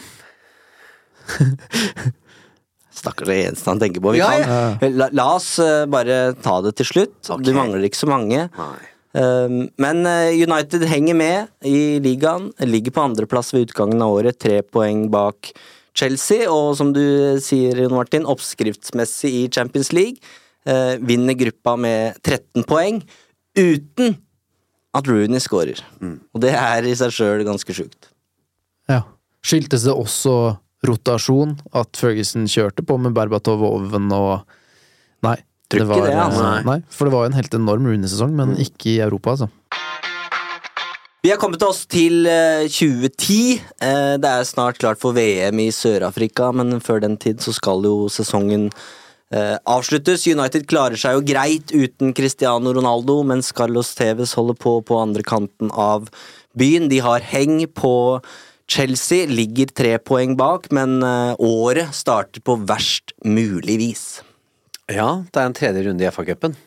Eh, United trekker Leeds på Old Trafford. League One? Leeds er nede i gjørma. De er ja. skikkelig nede i gjørma. Eh, de får masse billetter på Old Trafford, de lager bra med liv. Eh, er vel en early kickoff eller et eller annet. Det er i hvert fall 13.00. Ja, Vet du hvorfor jeg husker dette? Det er dette, er en, dette er en hemmelighet, skjønner du, som er Den, er, den her er stygg. For det det er, er, den er forelda, heldigvis, men det er jeg som skal ha uh, live på United.no. Ja. Og jeg forsover meg. Oi. Den jeg kommer du deg ikke ut av, meg til en eh, live-rapportering på United.no. Det Første og siste gang, og når du forsover deg til en kamp som begynner klokka ett, da har du vært sliten dagen før, da. Mm. Jeg drev ikke med noe tull, men våkna for seint, da. Så eh, det er vel så, og jeg tror Leeds scorer veldig tidlig. Det er så vidt jeg på en måte har fått opp den liven oppe og går. Jermaine Beckford. Jeg glemmer aldri det navnet. etter tre minutter eller noe. Eh, nei, det var, det var seig. Jeg husker min veldig gode venn Morten Jansson og jeg vi eh, var sammen og gikk ut etterpå og sørga. Husker vi sa ikke noe. Altså Vi bare satt sånn og sørga etterpå. Uh, ble Wes Brown utvist her? Hmm. Den som visste det. Eller han er involvert i baklengsmålet. er han? Han er dårlig på Nei, vet du jeg trekker tilbake. Jeg tror ikke han ble utvist. Det er dårlig keeperspill også. Ja. Uh, Nei, det der var ordentlig eh, tungt. Det der var eh, skikkelig seigt. ordentlig ydmykende, og eh, på sesongvideoen, eh, season review fra denne sesongen her, så hører du hvor smertefullt det tapet også var for Ferguson, for Neville. De omtaler det som den verste dagen i sitt liv eh, rent fotballmessig. Altså, det brukes veldig sterke ord da, for å oppsummere det tapet der. Det var en ordentlig, ordentlig, ordentlig smell. Gary Neville ble utvist i 0910, men når var øh, Jeg må ha motstander òg? Nei, det var hvis du ville brife litt. Ja, nei, Så- Gary Neville ble utvist, men eh, det kom til meg nå. Det er korrekt. Mot Barnsley i ligacupen. Stemmer det! Ja. Der var det! For eh, den har vi jo glemt. Barnsley borte! Ja, det var jo superfett! Uh, nydelig stemning. Hadde hele kortskjea Gary Neville! Ho! Nå mangler jeg bare én for å ha akseptabelt uh, for å ha du. sex. Den er sikker på Nesten mer engasjement her nå enn når vi snakka om Owen-skåringa. Det er deilig. Oi, oi, oi! Hæ? Hvem? Vi, eh, Ble Michael Owen utvist? Mot hvem? Jeg trekker det tilbake. Ja. Det lugger litt. Eh, United går ut av FA-cupen da, eh, og følger opp med 1-1 mot eh, Birmingham. Også et sjølmål der. Og så eh, er det duka for Burnley igjen, som de da tapte for i andre ligarunde, og får jo revansje her. Eh, takket være en Oi, oi, oi. ny Ja da. spisssignering som kommer inn. Mamma, mamma, mamma. Han kom inn der, vet du. Fra Molle. Eh, og har mye har vært sagt om den overgangen, men eh, Nei, han kom inn, han mam, og dundra på. Moro for ham, det. Ja, ja. Headeren av keeper, tar en baklengs salto. Alt, eh, Alt alt helt på nydelig. Det er ikke det eneste målet han skårer den måneden her. Brendy, det er bra, og der er Dioff med hodet og stanger inn 2-0. Dette her tror jeg blir en ny eventyrhistorie i United-drakta. Eventyret er i gang allerede. Jeg tror jeg tar den. Jeg tror jeg tar den. Jeg tror Solskjær og United-reservene spiller mot Stabæk i Telenor Arena. Kan det stemme? Det stemmer. Um, Solskjær tar med seg reservene og vinner 3-0 mot. Stabæk eh, foran 10 000 tilskuere. Det er sykt. Dioff skårer to, og jeg beklager at jeg flirer, men Joe Dudgeon skårer Ja, han, ja! Eh, Høres ut som en Joe Pokémon. Dudgeon. Ja. Høres ut som en Pokémon. Joe Dudgeon. Ja. Treffer ikke på alt Morten Langle leverer. Nei, det ble ikke Hvor er han i dag? Eller hva skjedde der? Det skal vi Det blir sånn ekstramateriale i den Darren Gibson-episoden din. Du stiller opp den, du òg. Ja, klart jeg kommer! Så det var jo- Darren Gibson, football genius. Den var jo Stemmer det. Ja. Ja. Jeg var jo i Telenor Arena på jobb. Eh, Jeg var det, jeg òg. Og det, jeg husker bare at det tok altså noe så vanvittig lang tid, alt som skulle skje. Og jeg kom dit sulten, og det var ikke noe mat å oppdrive. Det var det var, eh, det var gøy med United i Norge, det, men det var ikke så stas sånn Det var United-reservene. Um, men det, det, er en dag jeg likevel husker, da. Apropos um, flyt, jeg, jeg, fylte en bil fra Hokksund, jeg tror det var en sjuseter òg. Om det ikke til og med var en tiseter. Kjørte inn til Telenor Arena med da hele guttegjengen i bilen. Og så, uh, i en slak oppoverbakke på E18 der, så Ryker Så var tom for bensin. Ja, jeg, jeg var så nervøs. Jeg tenkte, jeg kan ikke stoppe her nå. Nei, uh, ja, alle har kjent på den frykten der. Ja. Uh, ok. Ja. Fra Dioff til eh, mannen som, eh, som eh, herjer i, i, Manchester. Vi har ikke snakka nok om denne mannen så langt, eh, men det skal vi gjøre nå, fordi United de eh, slår jo da Burnley 3-0. Rooney skårer ett av måla. Og så er det duka for noen saftige oppgjør mot uh, Manchester City, og der skal Wayne Rooney spille en hovedrolle. Vi kommer dit, men først så er det et, en bortekamp uh, som United taper uh, 2-1. Og Da er det en gammel kjenning da, som skal uh, ødelegge. Ja, og Må man ta én ting først der. Den første matchen der blir En av de ligacupkampene blir utsatt pga. snøfall i Manchester. Og da hadde det da kommet én millimeter med snø. Jeg husker jeg våkna opp og hadde på Sky uh, hver morgen. Så nå er det med hjem i England nå, folkens. Nå! Nå er det bare å stenge skoler, og, og jeg, jeg, må ut og se. Uh, og det var jo knapt snø og regn, ikke sant? Uh, men kampen ble utsatt. men det blir jo oppgjør på Etiad først, og da um, vi er i semifinalen, da. Vi er i semifinalen, det, det, er en mm. finalebillett som står på spill. Dette var jo egentlig finalen! Uh, mellom disse to klubbene. Mm. Uh, og jeg husker at det var en helt ellevill stemning i Manchester. Det var det var den eneste som mangla, var at sånne der tønner sto i brann. Altså at det var eh, opprør i byen. Det var guffen stemning. Det var ubehagelig å dra opp til Etiad. Jeg var sammen med tidligere United NO-redaktør Steinar Madsen. Han og jeg var på kamp sammen. Og vi syntes begge det var ekkelt vi gikk opp fordi det var umulig å få taxi. Eh, og det var rundt hvert hjørne som sto folk. Det var slåssing i gatene. Det var rett og slett skikkelig Texas. For det var hatsk da United og City møttes tidlig i sesongen, så 4-3 mm. det la på en måte noe demper for rivaliseringen. Gjorde, gjorde det rett og slett mye verre. Ja. Uh, og det var Jeg husker, ja, Carlos Tevez uh, kjørte på, men man tenkte likevel at Taper på Etiad, men dette her kan gå. Ryan Giggs sender jo United i ledelsen, og så skårer TVs eh, på straffe rett før pause og legger på til 2-1 eh, før slutt. Mm. Mm. Og feirer altså noe så voldsomt. Ja, ja. Så han heller bare enda mer bensin på det bålet. Mm. Husker de kampene her så sinnssykt godt, altså. Ja. Og så kommer vi til eh, denne mannen da, som jeg spilte opp på litt feil tidspunkt her. Eh, men eh, Wayne Rooney eh, spiller da hovedrollen og skårer intet mindre enn fire ganger mot Hull. Og tar vi med den matchen i rekka som vi nå skal inn i, så skårer han i 11 av de neste 15 matchene. 18 mål, halvparten på huet. Ja, nå, ja. nå var han, han, var helt, en, han var helt enorm. Han gikk på vannet. Ja, ja. Og var på en måte uh, Endelig fikk han være den midtspissen, at han var the main man, da, mm. og han vokste, vokste, så på det.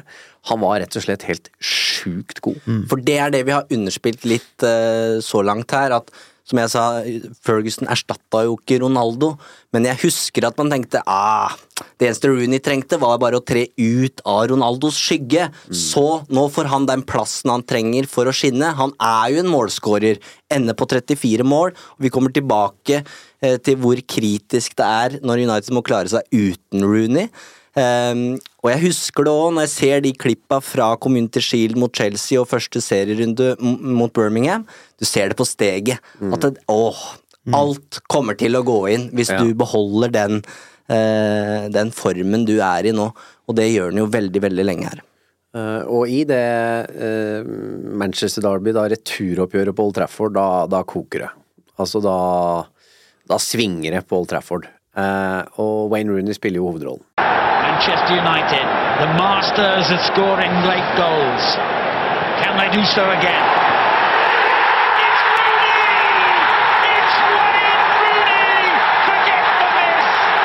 Just look at the celebration! That surely means a trip back to Wembley. The noisy neighbours have been silenced, and look what it means to the red heart of Manchester. Det var nesten like sjukt altså, som det. Og, altså, Oven var på en måte en egen opphøyd greie, men disse derbyene her var helt eh, det, det var, At det var på kvelden, det var kaldt, det var eh, Det var liksom den derre kveldskampfeelingen inni det i tillegg.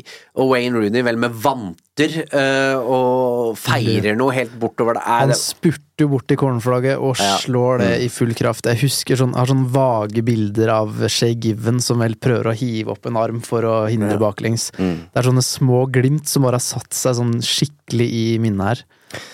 Jeg hylla jo TV-produksjonen i, i stad, i, i, ved Oven-målet, og også her så er det, det er eh, det er klasse, fordi man filmer da Rooney som gjør litt akrobatikk, ikke helt på Nani-nivå, men slår en slags flikkflakk eller et eller annet, og så slår eh, eh, hjørnesparket, og så zoomer kameramannen ut til Edvin van der Sar, som bare veiver med knyttneven. Det, det, det, er kunst. Eh, så jeg husker nesten TV-produksjonen bedre enn en målet.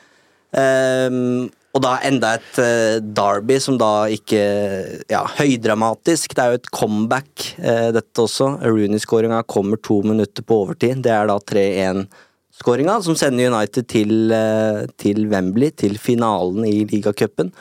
Uh, Scholes og Carrick, som har skåra Uniteds mål, leder jo da 2-0 før TVs et kvarter før slutt reduserer, som da gjør at det står likt fram til Rooney avgjør. Og da var det Wembley igjen. Da var det Wembley igjen. Vi skal til London, eh, og da er da en eh, bortekamp mot, eh, mot Arsenal. Vi nevnte Nani innledningsvis her, og Der!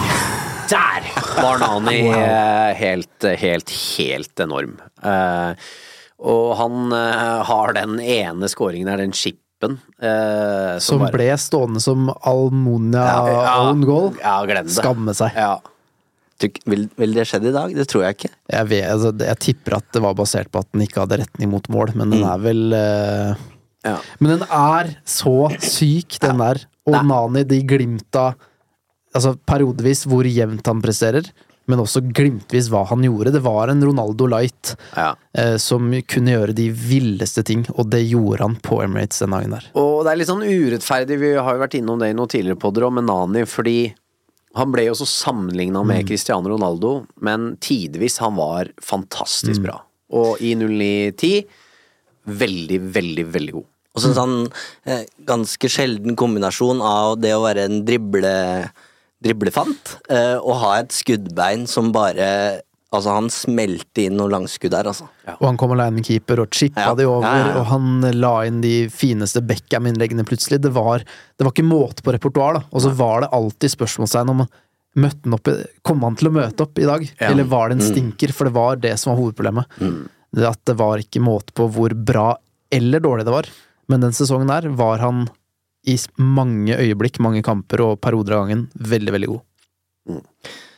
Vi ruller videre i eh, februar. United. Til de som ikke husker, så kan vi jo bare Han tar en sånn der Ronaldo-chop mellom to Arsenal-spillere. En kroppsfinte ned mot dørlinja. Vipper den mot bakre stolpe. Der Park står og venter. Men Almonia får noen fingre på den som gjør at den går i mål. Og Den er helt syk, og det er også noe kontring i den kampen her. Som bare er Det er det vi snakker om når vi snakker om at vi savner United. Ja. Så er det den kampen, de øyeblikkene der jeg ser tilbake på og mimrer om å drømme meg tilbake til. Det var så ellevilt nivå. Det er det Park, jo- de, de leder vel 3-0 på en tidspunkt der. To kontringer og ja. Nani-skåringa. Park setter inn 3-0 etter eh, kontring nummer to den dagen der. Og Jisung Park òg var jo helt enorm Mm. i toppkampen og sånn på, på den tiden her. Eh, Så shout-out eh, til vår gamle venn der òg. 3-1 mot eh, Arsenal, det er sterkt, og det er også 5-0 mot Portsmouth. Eh, og da syns jeg vi skal stoppe opp litt ved en eh, mann som også skulle skinne i større grad uten Ronaldo, og det er den egentlige spydspissen her, Dimitar Berbatov.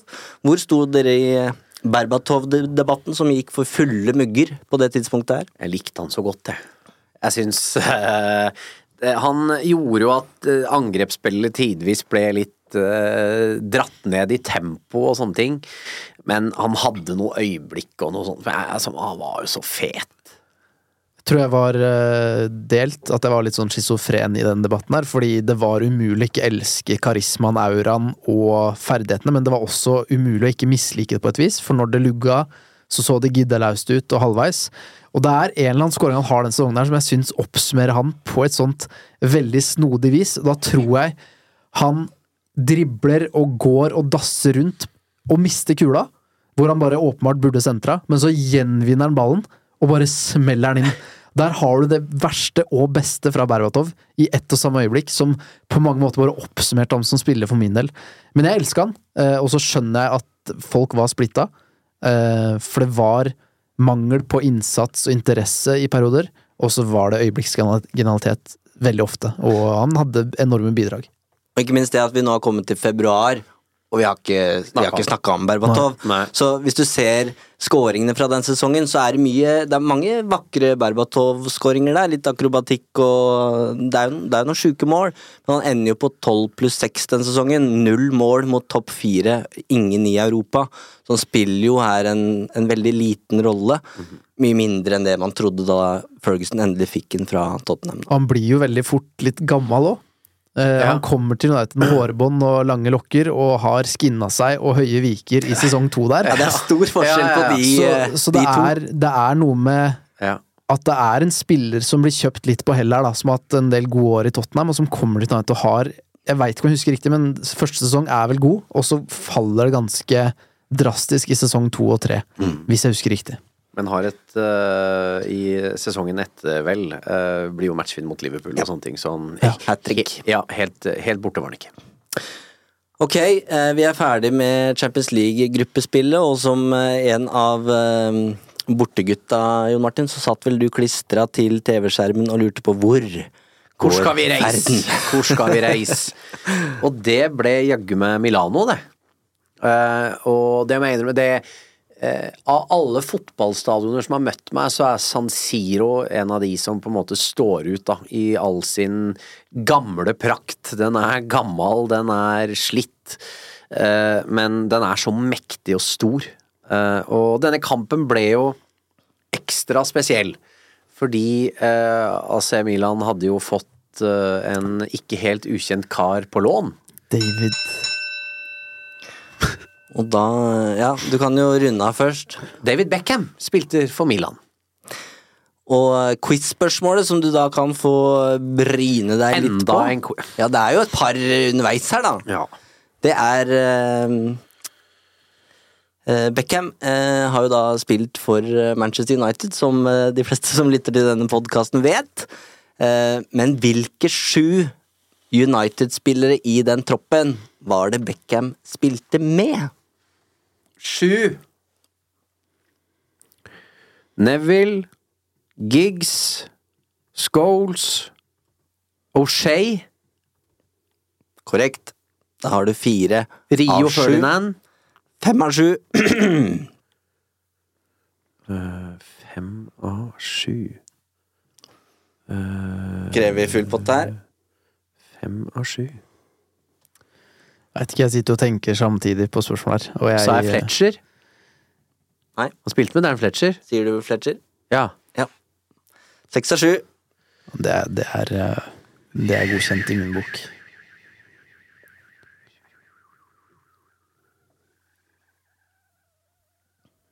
Du kan få tenke litt. Ja, jeg tenker litt på siste. Men ja, eh, til San Siro og eh, da møte med gamle kjente. Mm. Eh, Det var eh, en helt En sånn virkelig sterkt sånn borte-Europa Minne Eh, kvelden hadde alt. Det var noen praktskåringer. Det er en Fletcher med noe Med heading og noe greier, var det ikke det? Og, men det er liksom minnet Det er i hjemmekampen Ja, nei, Rooney skårer på huet. Er det der Fletcher har en ganske nydelig assist til Rooney på huet? Stemmer. Ja. Uh, men det er Michael Carrick blir utvist, og eh, Men minnet, liksom det virkelig store minnet, er jo når David Beckham blir bytta ut, setter seg ved siden av Milan-benken for å komme nærmest mulig eh, United-fansen, og der sitter han og klapper og vinker og blir hylla. Eh, så Og United drar jo derfra med et strålende resultat òg.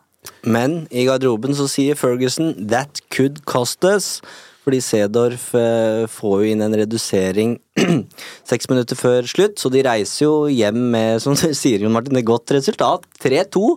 Men eh, kanskje litt eh, kloke av skade. da. Vi snakka jo mye om Milan i 06-07-spesialen, og hvor sjukt lag det var. Og det er det fortsatt. Det er Ronaldinho, Sedorf og Beckham og Pirlo og alle mann. Fors forskjellen her er jo Her er vi, så vidt jeg kan huske, veldig redde for dette Milan-laget, basert på hva vi har erfart tidligere. Ja. Men det er et Milan-lag med fullt av stjerner, men på hell. Ja. De har blitt tre og fire år eldre. Eller i hvert fall to og tre. Eh, så det er et stjernegalleri, men de er på hell, og de mangler de der i mål. Det er vel Christian Abiati som står i mål, tror jeg. Så det er stor forskjell på disse utgavene, men når Sedorf setter 1-0 i Milano etter tre minutter eller noe, så er det et sånn virkelig gufs fra fortiden at her, å nei, er de like gode som de var? Og så viser United at det er det ikke. Eh, Men man vet ikke hvordan det skal gå når United da De fikk jo bank eh, Nei, de vant vel 3-2 eh, den de, Hjemme først, og så fikk de bank eh, fire. Riktig. Men det var en Milan-utgave som var så sterk, og her var også stjernegalleriet så stort at man visste ikke helt. Man frykta litt basert på erfaringene, men, men hjemmekampen gikk fint, den. Ja, han gjorde det. Scholes uh, skårer det første, og så har Rooney to. Eh, det vil si Ronaldinho skårer det første etter bare tre minutter.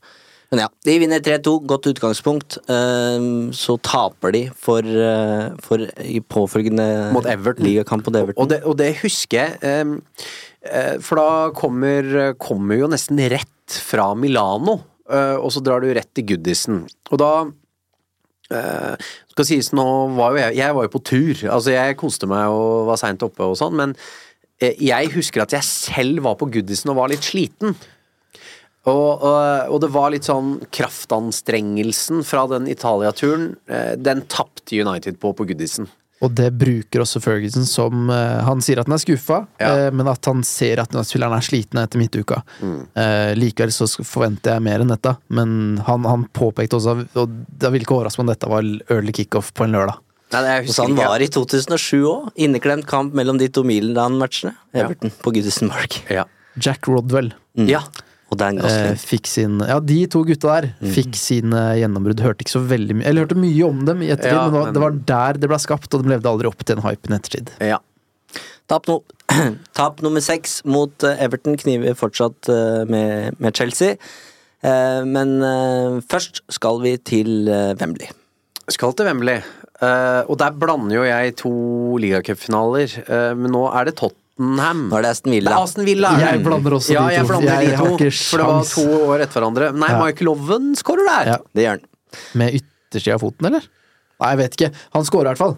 Han er instrumental for United denne sesongen her. På, eh, Den, det hat tricket bort mot Wolfsburg er vel isolert sett ikke så veldig viktig. Det er et reservepreg av United, men man skårer mange bra, viktige mål denne sesongen her. Og bare for å sette ting litt i perspektiv.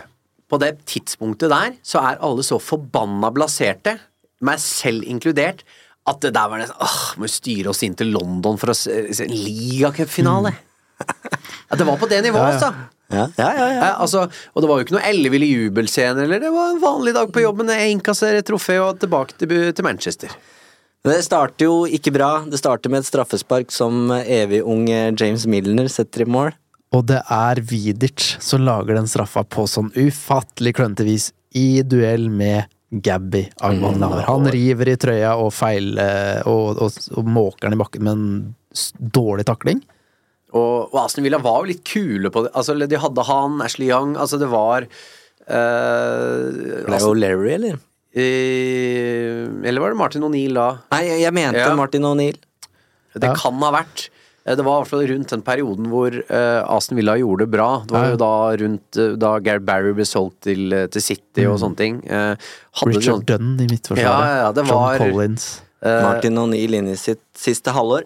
Ja, så, så det var et ganske ålreit Aston Villa-lag. Og et ja, Aston Villa-lag som slo United Bowl Trafford i desember der, da jeg var der. Eh, Som vi snakka litt om i stad. Så det var et ekkelt Villa-lag da, Ja, som tok ledelsen. spilte, også 1-1 tidligere i februar på, på Villa Park. Og der Nani ble utvist. Uh, og jeg husker jeg måtte bytte tog i crew på vei tilbake, og jeg satt der om natta, og da Så bare så det er sagt, det, det er veldig fett å reise Europa rundt, altså Manchester United, men gud, det er mye reising og lugubre togstasjoner du står aleine og venter på. Folk glemmer det. Medaljen har ja, baksider. den har, eh, den har sine baksider. Ok, Um, men United svarer jo etter denne Milner-skåringa. Det er Michael Owen som skårer eh, og utligner etter bare tolv minutter, så veldig mye lenger blir jo ikke den finalen for Michael Owen. Og da avsluttes også sesongen. Owen skårer sitt siste United-mål eh, den sesongen her, da, på, på Wembley. Hinker av med Da sier hamstringen til Ja, Owen stopp. Da var den Og- og- eh, ferdig.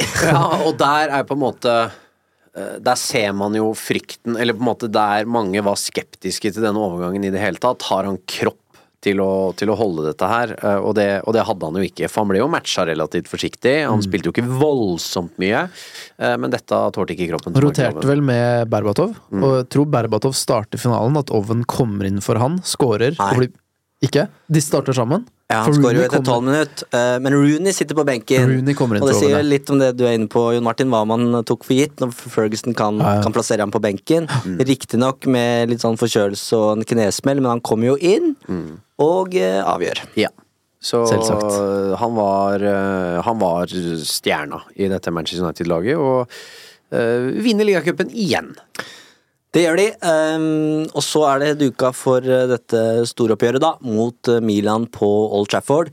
Og ikke minst en eh, retur for David Beckham. Og det vi ikke har snakka om ennå, er jo at det er jo her i denne sesongen at dette green, Green and gold.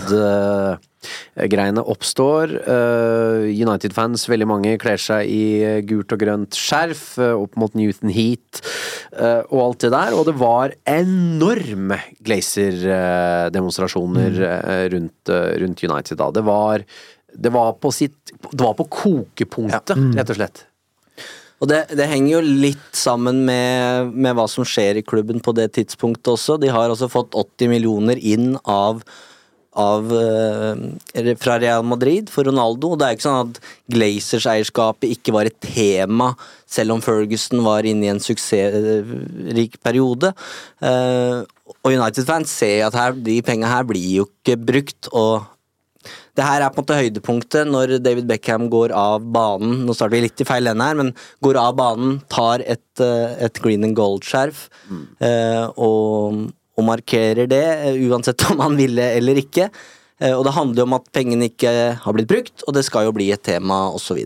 Litt skuffende at han ikke sto i det. David Beckham han Ja. påsto etter at han ikke visste hva dette handla om. Mm. Jeg hadde dette som profilbilde på Facebook og hadde skrevet 'selvsagt visste han hva han gjorde'.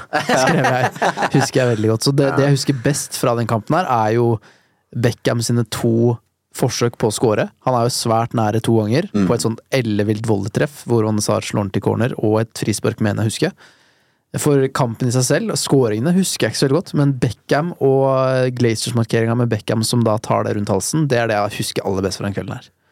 Så var, var han såpass bra at du tenkte liksom For han var jo på en måte Det var ikke et nødlån i Milan, men liksom kunne være på lån i Milan, så kunne han vært Ja. i United. Ja. Så man tenkte jo litt sånn Han er jo Han hadde vært god nok til Ja, å hjelpe det laget her. Ja. Men de klarte det jo sjøl. De gjør det. De feier eh, Milan av banen. Eh, Rooney sender United i eh, ledelsen etter bare 13 minutter, og de gir seg ikke før det står 4-0, altså, mot Milan. Ja, det var en maktdemonstrasjon. Eh, og det var en av de der europakveldene på Old Trafford. In towards Rooney! And Manchester United need a goal, and they needed a goal. Wayne Rooney provides 29 for the season. Two in Milan three weeks ago, one tonight, another from the head of Wayne Rooney, and Milan need three. Ja, han var sheriff, rett og slett. Eh, og United tar seg videre, og det rakner jo. Eh, nå spoler jeg litt fram, men Da får man også svar på hvor avhengig eh, dette laget er eh, av Wayne Rooney. Og se på resten av laget, da, så skjønner du det i enda større grad. Det var ikke bare formen til Rooney som tilsa, det var Han var stjerna. Det var tynt utover Wayne Rooney, egentlig. Allerede da. Det er jo først neste sesong at det gjør at Rooney også begynner å flørte med City. Men eh, nei, det er da det, det, er da det rakner. Um, Rooney skårer to, eh, Park skårer det tredje, og så er det Darren Fletcher på en slags heading av vel eh, tre minutter før slutt, som bare en skikkelig statement-seier, da, eh, mot eh, Milan og David Beckham.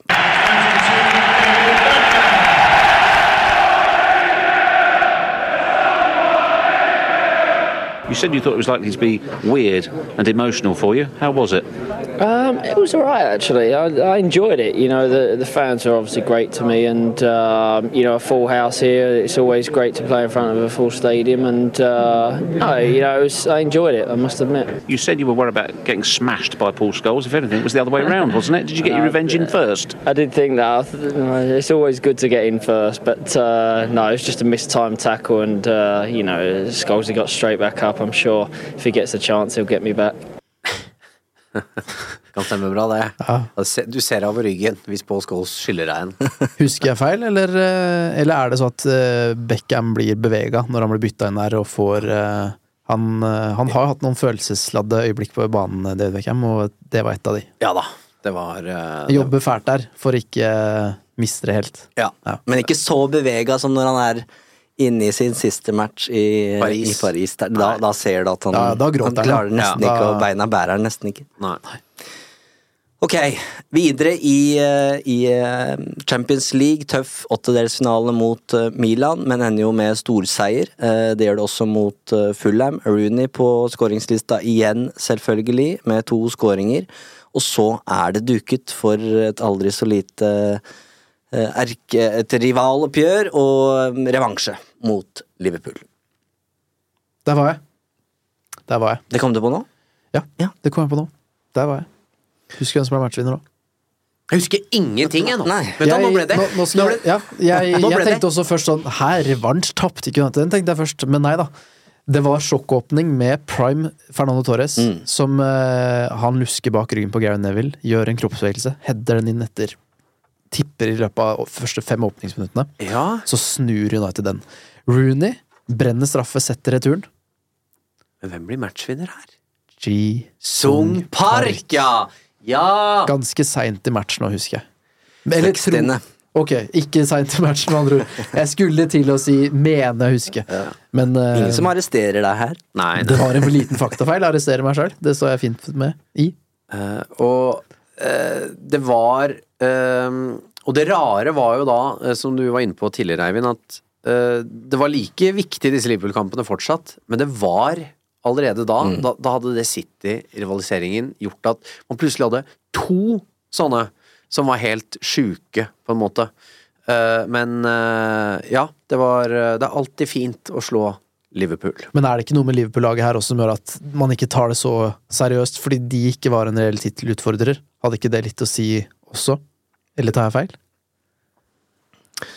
Nå spør du godt. Jeg Ja, mener jeg har sett de ganske høyt oppe på tabellen der. Stemme det, altså. eh, det finner vi jo ut av Men uh, Widers ble utvist på Anfield, ikke sant?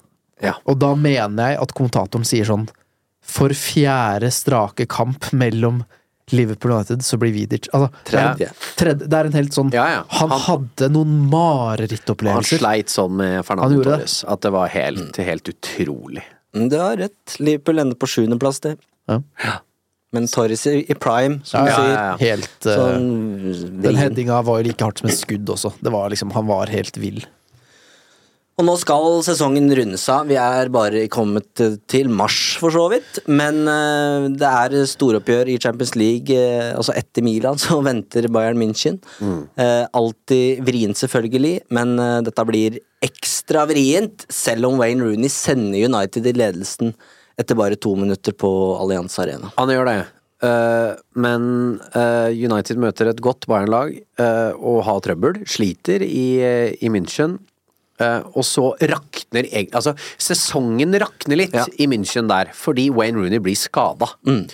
Og uh, ikke bare blir han skada, etter han blir gått, går av banen, så går Bayern rett opp og skårer. Now you can just see it go over just there. Just a little tweak of the ligaments. It, they're nasty. I mean, there's going to be intensive treatment now. I, I doubt. I mean, knowing what he's like, he's going to want to play, but I doubt he'll make Saturday with that, and maybe even next Wednesday in the second leg of this. It's, it's, a, it's been a horrible, horrible night for Manchester United, and that's just compounded it even more. And as he went down, he was Fryktelig. Det er umulig å skjønne hva Altså, du ser jo at han, han går opp i en hodeduell, lander litt feil, men smertene er intense, så du skjønner alvoret i det. Det ser ut som han tråkker i en sånn revesaks. Ja. Fordi, ja, ja, når, du, når du snakker om sånne eh, skader som, som gjør at spilleren mister eh, potensielt et VM her, da, så, så ser, man for meg, ser man for seg en fryktelig takling. Men han tråkker bare. Det ser man lander feil, som du sier.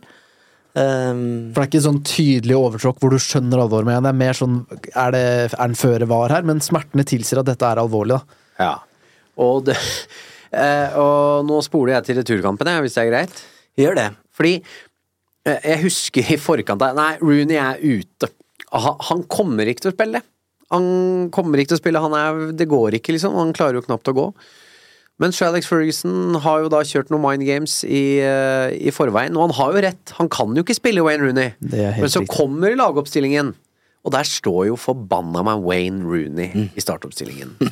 Det kan hende at vi har delt den historien både det. to og tre ganger. Men det er men også er- et så ja. absurd syn når United kommer ut på banen. Han klarer jo ikke å gå, nesten! Han er jo skada. Han, han kommer jo på krykker. Ja. Vi, vi kan bare ta den kjapt. De tar ikke hele. Det er Ferguson ringer en United-ansatt tidlig på dagen. United-spillerne skal samles, møtes på Lowry hotell, der de hadde samlingspunkt før avreise til kamper. Skaff Rooney en beskyttelsesstøvel og krykker, for vi skal late som han er skada og ikke kan spille. Og han kommer dit, blir avbilda med krykker og beskyttelsesstøvel, skal ikke spille. Kommer til og med til Old Trafford med krykker og beskyttelsesstøvel. Og der er han i lagoppstillinga. United har gått med pressemelding tidligere eh, et, Det er vel etter kampen mot Bayern, hvor Bayern også lager pressemelding om at Rooney er ute i returoppgjøret. Så Ferguson og Mind Games, men han halter utpå der. Han er jo ikke spillbar i det hele tatt. Nei, ikke i nærheten. Altså, det Og helt byttes ut ganske tidlig. Men etter at du har tatt ledelsen, ved min helt Darren Gibson, tror jeg. Ja. det stemmer av det. Det er en helt uh, ellevill start på, på den kampen. And fed it in for Rooney, whose first touch feeds Gibson! Valencia's cross. Oh, gorgeous! Nani! United continue to be compelling. Here's Valencia. Rooney let it roll. Nani scored! Head over heels. Heading for the semi-final. Husker dere Nani-skåringa? Den, er, den er vakker. Det er vel innlegg fra Valencia, og så tar han den med hæren bak eh, Ja. Men det er, er 3-0 til pause. Ja. Denne syns jeg oppriktig er Denne sitter i kroppen. Den skuffelsen. Det er et av de vers, en av de største skuffelsene Enig. som jeg har som United-supporter. Enig. Den var så vond. Måten det skjedde på, hvor uventa det skjedde. For de leder vel 3-0 etter De går til pause med 3-0-ledelse. Ingenting i verden som tilsier at de skal rote bort det der. Er dere med meg? Ja, jeg er helt med deg. Og det eh, Det er eh, Om Arjen Robben hadde prøvd igjen og igjen og igjen og igjen Han hadde aldri truffet så godt igjen. Alex, so much happened over the course of those two legs, but but you think the, the, the key moment was- Raphael sending off? No doubt about that. Never win that game. Never get through. If you have 11 men. For 11 men, no problem. Young boy, been experienced, but they, they got him sent off. Everyone sprinted towards the referee. Typical Germans. You can't, you can't dispute that. Well, you like t- that. Well, you talked about the fact that uh, they targeted Wayne Rooney's injury as well. Uh, did that surprise you that they did that? That's not, that wasn't the key issue. I think the key issue was wasn't the goal. One wasn't the goal just before half time, and then a young boy getting sent off. Stemmer det. Vi ga deg litt tid på å finne fram til den, men det Rooney-skaden er jo det vi husker best. Men uh, utvisninga til Rafael er jo det som setter i gang det, Det er det. måls, Ikke målskredet, men de som gjør at Bayern slår tilbake med Men nå kommer det inn i hodet mitt, jeg tror broren hans ble utvist denne sesongen her òg.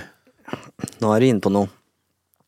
Rafael mot Bayern og Fabio mot uh, Wolverhampton. Yes! Hadde ikke du et litt artig møte med disse, eller en av dem, da? Eh, noe sier meg at du tusla rundt med Ferguson på Carrington, Nei, så og kom Solskjær. Solskjær, ja. Eh, det tusler jeg med på Carrington og uh, spør uh, Og jeg har gjort et intervju med, med Solskjær, og så går vi ned trappa der, ned i resepsjonen på Carrington. Så kommer Da Silva opp trappa, og så spør han Rafael, are you ready to play tomorrow? I'm Fabio. Eh, men tilbake til den Bayern-kampen. Det var jeg husker det så godt. Jeg, jeg hadde som oppgave da, samle, da var det fysiske sesongkort. Så jeg skulle samle inn supporterklubbens billetter utenfor Bishops Blaze etter kampen. Og så kommer det en nordmann bort til meg etterpå og sier Ja ja, men førsteomgangen var jo bra. Og det rakk ja, altså, da, da, da, Og måte, mm. Jeg er i serviceyrket her nå, på en måte, så jeg kan ikke på en måte bli Jeg, jeg, jeg kokte inni meg. Jeg husker det også veldig godt. Uh, det, det, og jeg var, jeg var så sint på Arjen Robben. Altså, jeg, jeg hata Arjen Robben i, i mange døgn. Og jeg husker det fordi jeg skulle reise til Sør-Afrika og skrive eksamensreportasje eh, om fotball-VM. Så jeg skulle reise. Jeg sto liksom i døra i sluttminuttene og fikk da bare med meg uh, denne målgivende på ja, denne skåringa til, til Robben, da. Uh, når jeg da satte meg på toget til Gardermoen, og jeg, jeg var så Jeg var så sint. Jeg var mest forbanna på Rafael, husker jeg. Det var eh, Ferguson har et poeng når han sier at det var de som fikk han sendt av, men med gult kort, og så holder han igjen Frankrike-bry på en kontring. Han slipper vel tidsnok til at Ribéry bare egentlig kan fortsette ballføringa og fosseangrep, men han er rutinert, stopper opp, gjør maksimalt ut av det, og sørger for at Rafael får sitt andre gule og tidlig dusj.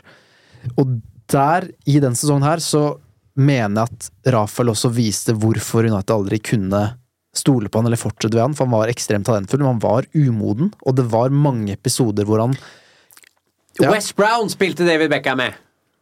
Det er eh, korrekt. Du jobber parallelt der. Ja, jeg må jo det! Jeg blir jo Hvem gal! sier at Meden ikke kan ha to tanker Ja! i hodet samtidig? Du, nå har du Du har jo for så vidt ikke full pott der. Jeg, jeg tenkte Rafael mot Bayern, det er den som står øverst Ja. på den utvisningslista.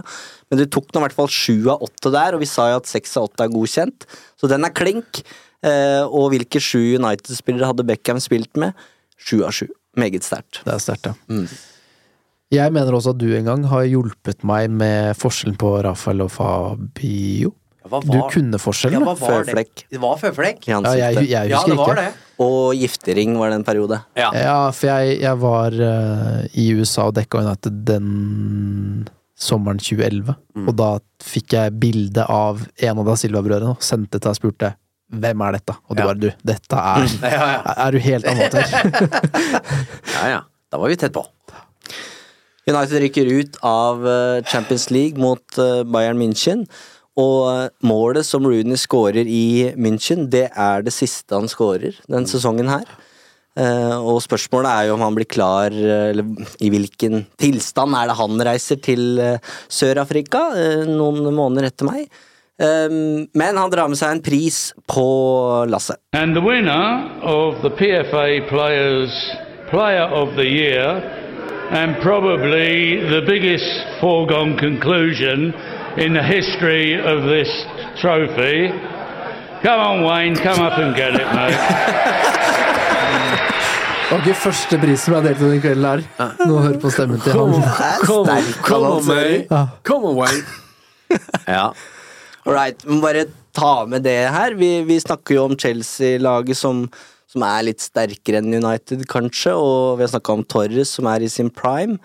Og um, det er jo noen konkurrenter her eh, til spillerne spiller, og Rooney slår jo Drogba, Torres og van Persie her, men er jo langt bak Ronaldo og Messi da når det skal gjøres opp om Ballon d'Or eh, seinere det året. Ja, de skårer nærmere 50 vers eller noe sånt det året, er de ikke? Ja, men det var litt sånn som vi var inne på tidligere, at da den Rooney-skaden kom, så var tanken tom også uh, for United. Da, da, da skjønte de fleste at dette ligagullet kommer Chelsea til å ta. Og det gjør de. Uh, One Bad Week er, uh er det Ferguson oppsummerer det med, fordi de taper jo ikke bare mot, uh, mot Bayern München, da. De eh, taper også hjemme mot, eh, mot Chelsea, mellom de to Bayern-matchene her. Um, 2-1-tap. eh, Joe Cole og Didier, Didier Drogba. Den er jo så skandale. skandale. Ja, ny skandaleseier. Den er, den er helt sjuk. Når du ser den Gå og se på den Drogba-skåringen i dag, da. Og fortell meg at ikke Lindemann ser at det er offside. Jeg, jeg nekter å tro på det. Jeg sier ikke at det er korrupsjon, jeg sier bare at Det er ikke var. Det er en halvmeter tydelig offside hvor Lindmann er på linje med Drogba, og det er et så tungt flagg som er Det er ikke til å fatte. Og det ender vel med 2-1-tap. Det gjør det. Makeda. Makeda, stemmer. Ja. Og de kunne jo da gått United var jo egentlig i eh, Nå må jeg tenke. De kunne gått fire poeng foran med seier her, da. Og da var det fem kamper igjen eh, i, i ligaen. Uh, men så ender det jo da i stedet to poeng bak. Og da er det advantage Chelsea, som det vel heter i tennisen, uh, Fredrik. Det er korrekt. Og da uten Rooney for United. Han sitter vel i VIP-boksen mot Chelsea, gjør han ikke det?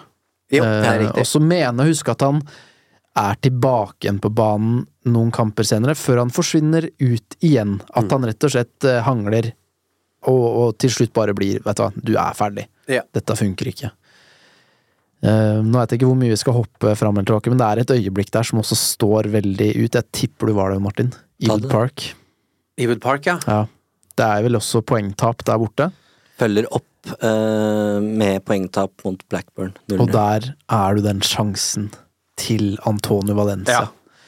Jeg er uh, Vålerenga-mann og United-mann, og i, uh, i 2005 så var det én scoring som var uh, det som gjorde at Rosenborg Da var Morten Berre aleine med Jon Knutsen på Ullevål. Og her var Anton Lenz aleine med Det var sikkert Brad Friedel. Ja, det var som regel.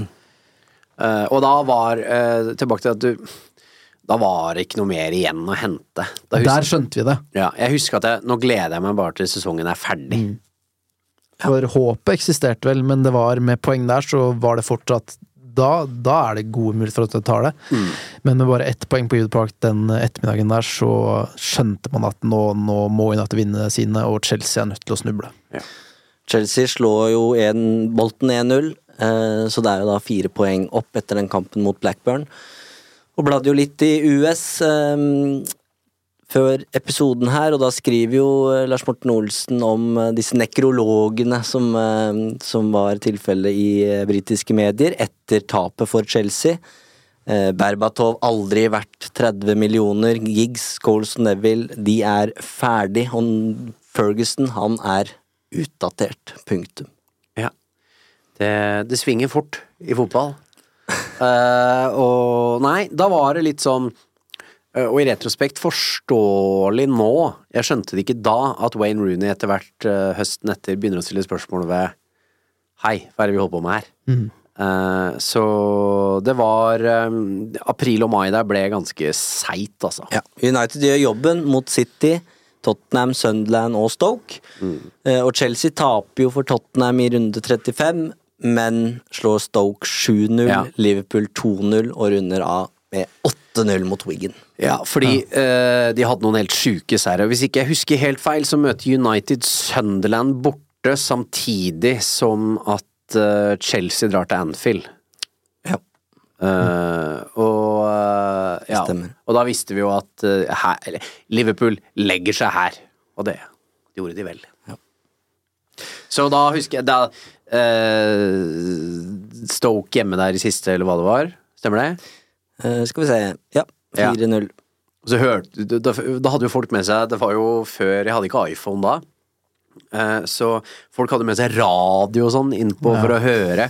Og så 8-0, altså. Det er bare Ja, greit. Takk for nå. Ses i august. Men det var ett poeng. Til slutt var det ikke det? Det var ett poeng bak Chelsea, mener jeg at det var. Nå ser jeg at du scroller for å faktasjekke meg her, og gjør gjerne det. Men det var så ørsmå marginer, da. Eh, Og med Rooney resten av sesongen så hadde United vunnet vunnet det året der. Ja, det er fare for det. Svaret får aldri, svaret får vi aldri men det var Uh, Men jeg må si det, for en opplevelse den sesongen var, da, for meg. Uh, det, det endte ikke ligagull, men uh, Og man følte det som en gedigen nedtur ikke sant, at United ikke vant eh, ligaen, men blir da eh, nummer to etter å ha vunnet tre ligagull eh, på rad i forkant. Eh, vi var noen bortskjemte Ja. barn, alle sammen. United kunne også vært første lag siden Juventus på 90-tallet til å komme seg til tre strake Champions League-finaler. Så litt av en tid å være United-supporter på. Så bare, bare Lia Cup-trofé den sesongen der var jo en gedigen skuffelse for oss på den tiden der.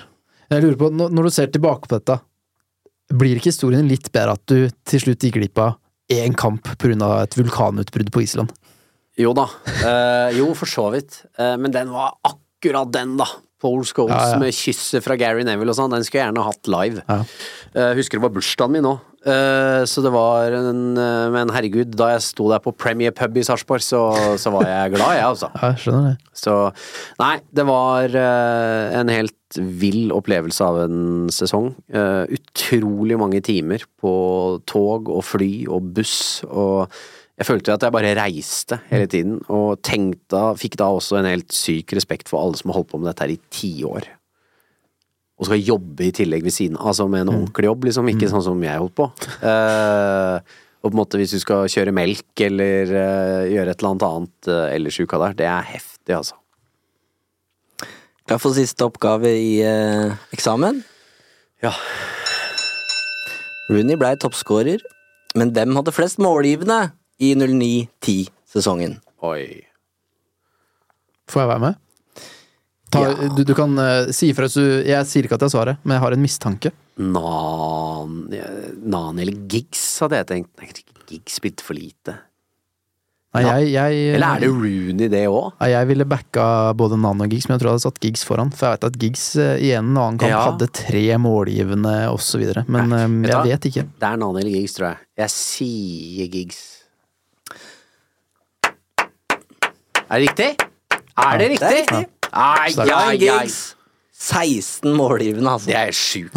Og han har noen sjuke matcher der og blant annet mot City, da. Han var enormt er- god eh, denne sesongen her. Han var det. Og jeg, jeg bladde også i USA før vi eh, gikk, uh, gikk på her, og da er Ryan Giggs da sin 20. ligasesong, og tittelen Never Ending Story, spørsmålstegn. Han skulle holde på noen år til òg. Det var liksom ikke han det. Det var fem, fem år til, det. uh, Hadde han i seg. Jeg bøyer meg i støvet. Du er eh, herved er, eh, får tittelen som 0910-ekspert. Ekstremist. Ekstremist. Ja. Men er Markus det- Neby er Solskjær-ekstremist. Du er 0910. Men nå skal det sies, er det en sesong jeg bør huske godt, så er det, er det denne. Men det har vært gøy å mimre. Ja. Hva er neste nå? Det er Fredrik sitt. 0203. Mm -hmm. Ja. Men den er ikke noen av dere gira på, da? Jo, Jo, Jeg er gira på ja, alt, ja, ja. ja. Greit, greit. Ja, da skal jeg glede meg, slutte å så sånn tvil om oss gutta. Eh, hyggelig at du har holdt følge eh, med oss. Så må vi bare takke av da, til de to av de vi har snakka mest om i den episoden her, men som eh, ikke spilte i rødt. Hvordan gikk det med Ronaldo og, og TVs? Ronaldo, eh, 33 mål på 35 kamper, men vinner jo ingenting. Det er ikke noe braksuksess, og spiller jo med nieren der. Det, husker jeg- det syns jeg var helt feil. Det var feil. For Raoul hadde jo, hadde jo nieren der. Eh, nei, sjueren. Beklager. Eh, og så hører det jo med til historien at de har jo et helt sjukt vindu. De henter jo Kaka, Ronaldo og Benzema i samme Og Benzema skulle jo Han skulle jo vært helst, Trafford, eh, ja. Eh, men ja, Barcelona vinner ligaen, og de ryker mot Lyon i åttedelsfinalen der. Og så litt gøy at han, han gjenforenes jo med van Nistelrooy på, Ja. på Ja, på Santiago Bernabeu. Så um, ja. TVs 29 mål på 42 kamper. Eh, femteplass i, i ligaen med City. Eh, og så er det jo Roberto Mancini som, eh, som tar over der for Mark Hughes etter hvert. Så kan vi bare få, la Solskjær få siste ord i den derre eh, TVs-debatten, da. When you play for Man United, you don't go to Man City. Godt sagt. Du kan ikke få sagt det bedre. Strengt av, eh, av Ole Gunnar Solskjær, men rettferdig. Eh, Så det har vært en glede å sitte her med dere. Eh, Det har vært gøy å mimre. Takk for at du har holdt følge. Har du holdt følge hele veien nå, så har du jobba godt. Da fortjener du en klapp på skuldra. Takk som alltid for at du hører på Uno, og så høres vi om ikke lenge.